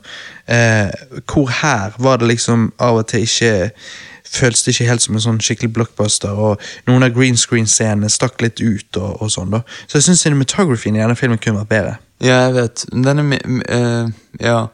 Jeg, jeg er helt enig. Han har ikke den blockbuster-feel. Han føles ikke så stor ut, på en måte. Um, men også um, Liksom, en ting òg, det er der Det der sånn De har, viser mange forskjellige aliens her, og noen er jo throwbacks til sånn eneren og sånn, sånn uh, og treeren for den saks skyld. Um, sånn som de der kakerlakkmonstrene. Ja, De er vel i hvert fall fra toeren, hvis ikke de òg er i eneren. Ja, det er i hvert fall i Ja, toeren. ja, sant. Ja. Uh, så det er litt sånn throwback, så det, det er kult. Kakerlakk er ikke det pinnedyr, da, nesten? Jo, pinnedyr. Men de er jo aliens, så de er jo ingenting. Nei, sant. Men sånn, så er det liksom uh, Så når det ten Det er på slutten, Ja. kan man si at det er tentakelmonsteret. Ja, Er det bare meg som er så jævlig lei tentakelmonstre? ja jeg er også ganske lei tentakelmonstre. Ja, for det er sånn Det er, Det er ikke så interessant. Nei, ja, vi har sett det så jævlig mange ganger. Ja. Lag, er det mulig å lage noen originale monstre? Sånn, bare sånn, Spør barn om å tegne det sykeste de vet. Sånn. Bare, sånn, Ja, jeg, jeg skjønner hva du sier. Jeg vil se noe nytt, så jeg bare sånn, what the fuck, er det? Sånn. Mm. Altså, liksom sånn, Tentakelmonster det har vi sett sånn eh, 10 000 ganger dette tiåret her, på skjermen. Sånn, Ja, ja, jeg er jo Skjønner jeg enig. mener? Jeg er jo enig. Jeg er så jævla lei det. Um, nei, jeg sa jo det at, at jeg, jeg digger konseptet. sant? Jeg digger begynnelsen. Jeg digger liksom ideen. sant? Um, Ja. Men plottet deretter, når hun skal liksom bli en del av Man in Black og alt dette, selve plottet på filmen, da Eh, Historien det, det er ikke dårlig, men det er heller ikke dritbra. Jeg syns bare er litt sånn OK pluss. Ja, jeg vet, det, men det virker som de bare trenger et plott bare for å ha en film, og så Ja, bare ja, det- så for å tjene Man in. Black for det. Sånn. Ja. Altså, det er jo selvfølgelig en, en cash grab, da. Mm, Altså, det er jo det. Det er jo Det er jo sånn det. Å, Man in Men det kunne ja. vært verre, når du tenker på det. Altså, Som en cash grab så kunne det vært verre. Jo, men hvorfor ikke lage en originalfilm med disse to, med Taylor Thompson og Tessa Chris Thompson. Tessa Thompson Ja. Mm. og Chris Hemsworth. Altså, en original agentfilm. Har ikke det vært sånn stiligere? Og så ikke være Man in Black-universet, Ja, liksom. ja. Ja, kommer an på. Altså, jeg liker jo jeg, Som sagt, Man in Black 3 gjorde jo at jeg begynte å like Man in Black-universet. så- Og hvordan denne filmen ender med potensialet for en oppfølger, og sånn, så, så er jo jeg åpen for det. og ja, jeg vet ikke. Jo, altså, jeg, jeg, jeg bare Men tingen er at jeg føler alt må slippes på som er en del av en franchise. Ja da, liksom. det er helt sant. en allerede eh, franchise som er, er blitt vist å være eh, suksess, suksessfull. Sant? Mm. Og så er det sånn Ok, så vi, det er safe, la oss bare lage oppfølgere til de, da. Så er vi i hvert fall safe istedenfor å eksperimentere med nye ting. Ja da, Hollywood lener seg eh, som oftest på eh, gamle varemerker. Jeg vet for det det, men til penger. slutt, hva skal de gjøre om ti år, da? Når de skal gå tilbake til dette tiårets varemerker? Og så er det sånn, ja, hva skal vi velge mellom? Ja, Ja, altså De fortsetter bare de de allerede har. Ja, de fortsetter bare å lage Men in Black, Jurassic World, Star Wars Uh... jo, men jeg holder på å spy av det. Ja. Jeg er jo sånn, jeg, vil ha noe nytt. Noe nytt, fresh blood. Det er derfor Mm. Jeg er liker jeg tror- Us. Ja. Us. Us av John Peel. Jo, men, Ja. men det er da jeg tror du òg kan gå tilbake. Kanskje du kan eh, snakke med Roger på hjørnet og liksom bare Hva er liksom good shit som kom ut 70-, 80-, 90-tallet? Liksom. Yeah. Bare se, for det var mye originalt da, som er veldig bra. Så liksom, se de beste filmene fra de ti årene, liksom, og cleanse your palates på den måten. Ja, jo, det, Men jeg er helt enig, altså, skulle gjerne sett mer originalt. Men det er jo derfor jeg tenker du får sånne filmer som Once Upon a Time in Hollywood. eh, Mother. ja, ja. Men hva med Once Upon a Time in Hollywood? Altså, Alle Tarantino-filmene er jo originale filmer. Det er jo ikke noe franchise. Der, der er jo på en måte varemerket er regissøren. Og det er jo det som er jævlig kult, når regissøren blir varemerket Ja. selv, For da blir alle filmene originale. Ja, ja. Altså, det skal jo Um, my mye til, men Og så har vi Jokeren-filmen som vi får i oktober. sant? Du liksom, ja, ja, Det er jo en, en del av en eh, altså, Jokeren er jo obviously en karakter i et franchise fra før, men, men Jokeren-filmen er en standalone film, så det er en original, unik historie. liksom sånn sett. sant? Jo, det er Eh, kult. Det prøver ikke å lede opp til noe mer. Det er liksom det er Joaquin Phoenix som spiller Jokeren, en ny versjon av Jokeren, crazy shit, standalone film, good time. sant? Ja, ja. Um, Jeg venter bare på en, den nye store original-shitet, liksom blockbusteren. Så bare wow, den nye Avatar. Jeg sånn. Ja, men ok, Så du vil ha franchiser? Du bare vil ha du bare vil ha en ener som starter et franchise? Nettopp, det er det jeg vil ha. Ok, har- For jeg trodde du var ute etter liksom standalone-filmer. Bare gode standalone-filmer. Us er jo bare en standalone-film. Ja, ja, ja. Once Upon a Time in Hollywood, jeg, sant, altså. Ja, jeg liker standalone-filmer òg, men jeg vil ha liksom det nye store som bare sånn om ti år så bare Ja, faen, nå skal jeg begynne å remake det igjen. De begynner ikke å remake det bare ti år etterpå. Nei, eller 20 år, da. Ja. Sant? Og så bare Shit, ja, jeg husker det. Liksom, jeg, mens dette tiåret Fortell, Eh, Avatar, altså Avatar, vi får jo nye Avatar-filmer. ja, for, fortell en originalfilm, så en, en ny blockbuster dette året som ikke har vært attached til noe fra fortiden. Eh, ja um. Nei, altså, jeg vet, altså, det er Mad vanskelig å Max, si. Mad Max Fury Road er en dritgod film. Ja, men den er jo det, attached. Jo, men det er fremdeles slappet på Mad Max. Ja. Det er ikke, det er ikke, det er ikke en, Men ikke sleppet på Mad Max. Det er jo Mad Max. Jo, men hvorfor ikke lage en originalfilm? Jo, men vi får jo Once Upon a Time in Hollywood av Quentin Tarantino. Ja, og det digger jeg. Ja. Ja. digger, jeg digger Quentin. Vi får Jokeren. Ja, men det Jokeren er allerede en etablert karakter i et univers. Jo, jo, men ok, du fikk Avatar i 2009. Driter du da i Avatar-oppfølgerne? Nei, Nei. Da, da liker jeg det, men det er i hvert fall fall noe nytt. Ja, for nå er det lenge siden. Det er ti år siden vi fikk han. Jo, jo. Mm. Sant? Mens nå blir det på en måte shit. Ja, det får litt samme effekt som du sier nå. Som dette her med at vi skal remake gamle ting hele tiden nå. Men det er det jeg mener. Men Er ikke du med meg på den tanken? Vil ikke du Jo, ha jeg bare blir confused av hva du sier, for det finnes masse originale filmer. Men de kan ofte være standalone. Jeg har jo ingen problemer med det. Jeg syns jo det er konge. Jeg trenger ikke å få originale filmer som er en begynnelse av et franchise. Altså Det er kult, det òg, men det skjer jo ikke så ofte. Det du oftere får, er oppfølgere av et, i et allerede eksisterende franchise, eller du får en standalone-film. Og da liksom er jeg ofte Ofte er jeg enig med deg og liksom tenker åh, vet du hva, nå trenger jeg bare å se en eller annen Jeg trenger ikke en Jeg driter i Jurassic World-filmen, jeg driter i neste Marvel-filmen. Jeg vil bare ha en standalone-film. Ja, nettopp. Nettopp. Det er derfor jeg gleder meg da til sånt som Once Upon a Time in Hollywood. Men det å glede seg til den neste eneren som starter et franchise, det blir jo så vanskelig å si, for det kan man aldri vite hvilken film er. Så. Jo, men når jeg sier Når jeg sier slippe på navnet på, Så mener jeg som for eksempel Ten Cloverfield Lane. Mm. Den, den har jo egentlig ingenting med original Cloverfield å gjøre. Egentlig ikke, nei. Bortsett fra at monstrene er der. Men Mhm. sånn, så du kunne De kunne lagd Ten Cloverfield Lane uh, og så bare kalt det noe annet. Altså noe originalt. Mm. Og da hadde ikke hatt noe med original Clofield å gjøre. Så bare sånn, Men det er Men bare for tjent at- mindre. Ja, ja, det er det. Så jeg skjønner det er hvorfor de gjør det. Jeg bare synes syns det er dumt. Så. Men, men, Nei, men det er derfor vi må støtte standalone-filmer. Ja, vi må det. Det er derfor vi må se Once Upon a Time in Hollywood. Det er derfor vi må se, altså, vi må se disse her Se eh, Jokeren. ja. sant?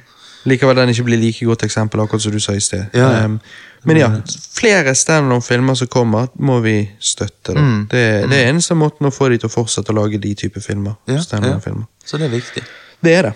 Um, Eh, Nei, altså, men tilbake. Man in Black uh, International. Jeg tror jeg gir han en 6,5 av 10. ja. Jeg var underholdt, men siden dette er den neste filmen i franchise etter Man in Black 3, så syns jeg, eh, som, som vi vet jeg syns er dritbra, så syns jeg da denne Man in Black International blir eh, et lite step down. Sant? Det er jo naturlig. Um, men generelt sett òg, så selvfølgelig det, Han er ikke en god, god film, men jeg syns 6,5 av 10 er fair.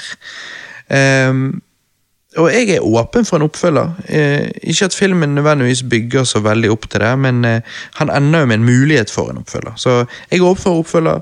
Jeg var underholdt, det var jo gøy, eh, men det var ikke dritbra. Det er ikke en film jeg må se igjen, eh, ever. Men, eh, men ja. ja egentlig, jeg tar gjerne en oppfølger òg. egentlig helt enig, bare at jeg kan ikke gi en sterk, sterk femmer. Eller en veldig svak sekser. Jeg er der, jeg. Eh, Men eh, det var liksom Jeg trengte ikke denne filmen. Nei da, det gjorde ikke jeg heller. Nei. Men han, han var, det var ikke sånn at jeg Jeg, jeg angrer på at jeg så han, liksom. Altså, jeg, jeg vil ikke ha pengene tilbake igjen, liksom. Det var, det var, det var en gøy popkornfilm. Ja, det, det var det det var. Og det var det han skulle være. Så han, han, klar, han klarer seg når det kommer til det. Nei, den neste filmen, den neste casten vi eh, tar opp, er etter vi har sett Spider-Man Far From Home. Det blir jo awesome Zows. Det blir veldig spennende. Det jeg tenker hadde vært underholdende da, er jo så rett og slett eh, Altså, vi har jo snakket masse før om eh, om Amazing Spiderman-filmene, for de liker du veldig godt. Jeg òg liker jo de, men eh, vi har også snakket om Spiderman Homecoming, som jeg liker veldig godt, men du ikke liker så godt. Ja. Ehm, så for oss å på en måte eh, ha litt content til neste casten, og ja, fokusere litt på, på Spiderman eh, sin historie opp til dette punktet, eh, i tillegg til å selvfølgelig anmelde Far From Home, så hadde det vært litt kult om vi hadde tatt og sett eh, Sam Raimi Spiderman-filmene. Ja, det hadde vært eh, kult, det. Så neste cast, folkens, tune inn for at Johannes endelig skal se den Elementary-episoden og fortelle oss hva han syns om den. Endelig. Så vi har teaset i mange caster nå. ja, skal Eh, ringe Roger. så vi har bygget opp, og jeg vet ikke hvorfor vi har bygget det så heftig opp, men ja. Eh, det kommer. Det, det blir anmeldelser av Sam Raimi Spiderman-filmene, og vi kommer selvfølgelig til å snakke om de andre. Eh, og kanskje annet godis, inkludert annet Spiderman-godis. Jeg kan jo tease at jeg driver og leser mye Spiderman-comics nå for tiden. Um, Ja. Shit. ja, så jeg, jeg gleder meg til Far From Home. Det blir spennende. Um, Mysterio, shit. Fucking Shit. Jake Gyllenhaal, my man crush. Yeah. Um, ja det, blir, det blir mye der er det en mann jeg gjerne skulle klint med. Yeah. Um, så det, det blir en spennende cast neste gang. Ja, veldig homoseksuell cast. Ja, absolutt. På grunn av Jake Gyllenhaal, da. Ja, ja, selvfølgelig. Kan ikke unngå det. Nei, han har skjegg. Ja, ja, fy faen. Han er mannemann. Ja, Calypto. Nei, så eh, det blir spennende. Dette var en artig cast. Ja. Eh, takk for meg, Robert. Takk for meg, Johannes. Og så ses vi på andre siden. Bitches!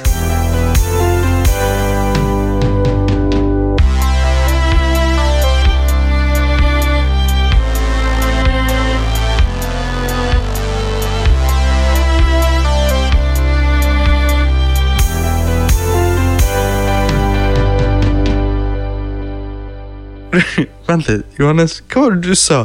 Sa du, altså for det Jake Gyllenhaal spiller Mysterio i Far From Home. Hva var det du kalte han? Calypto.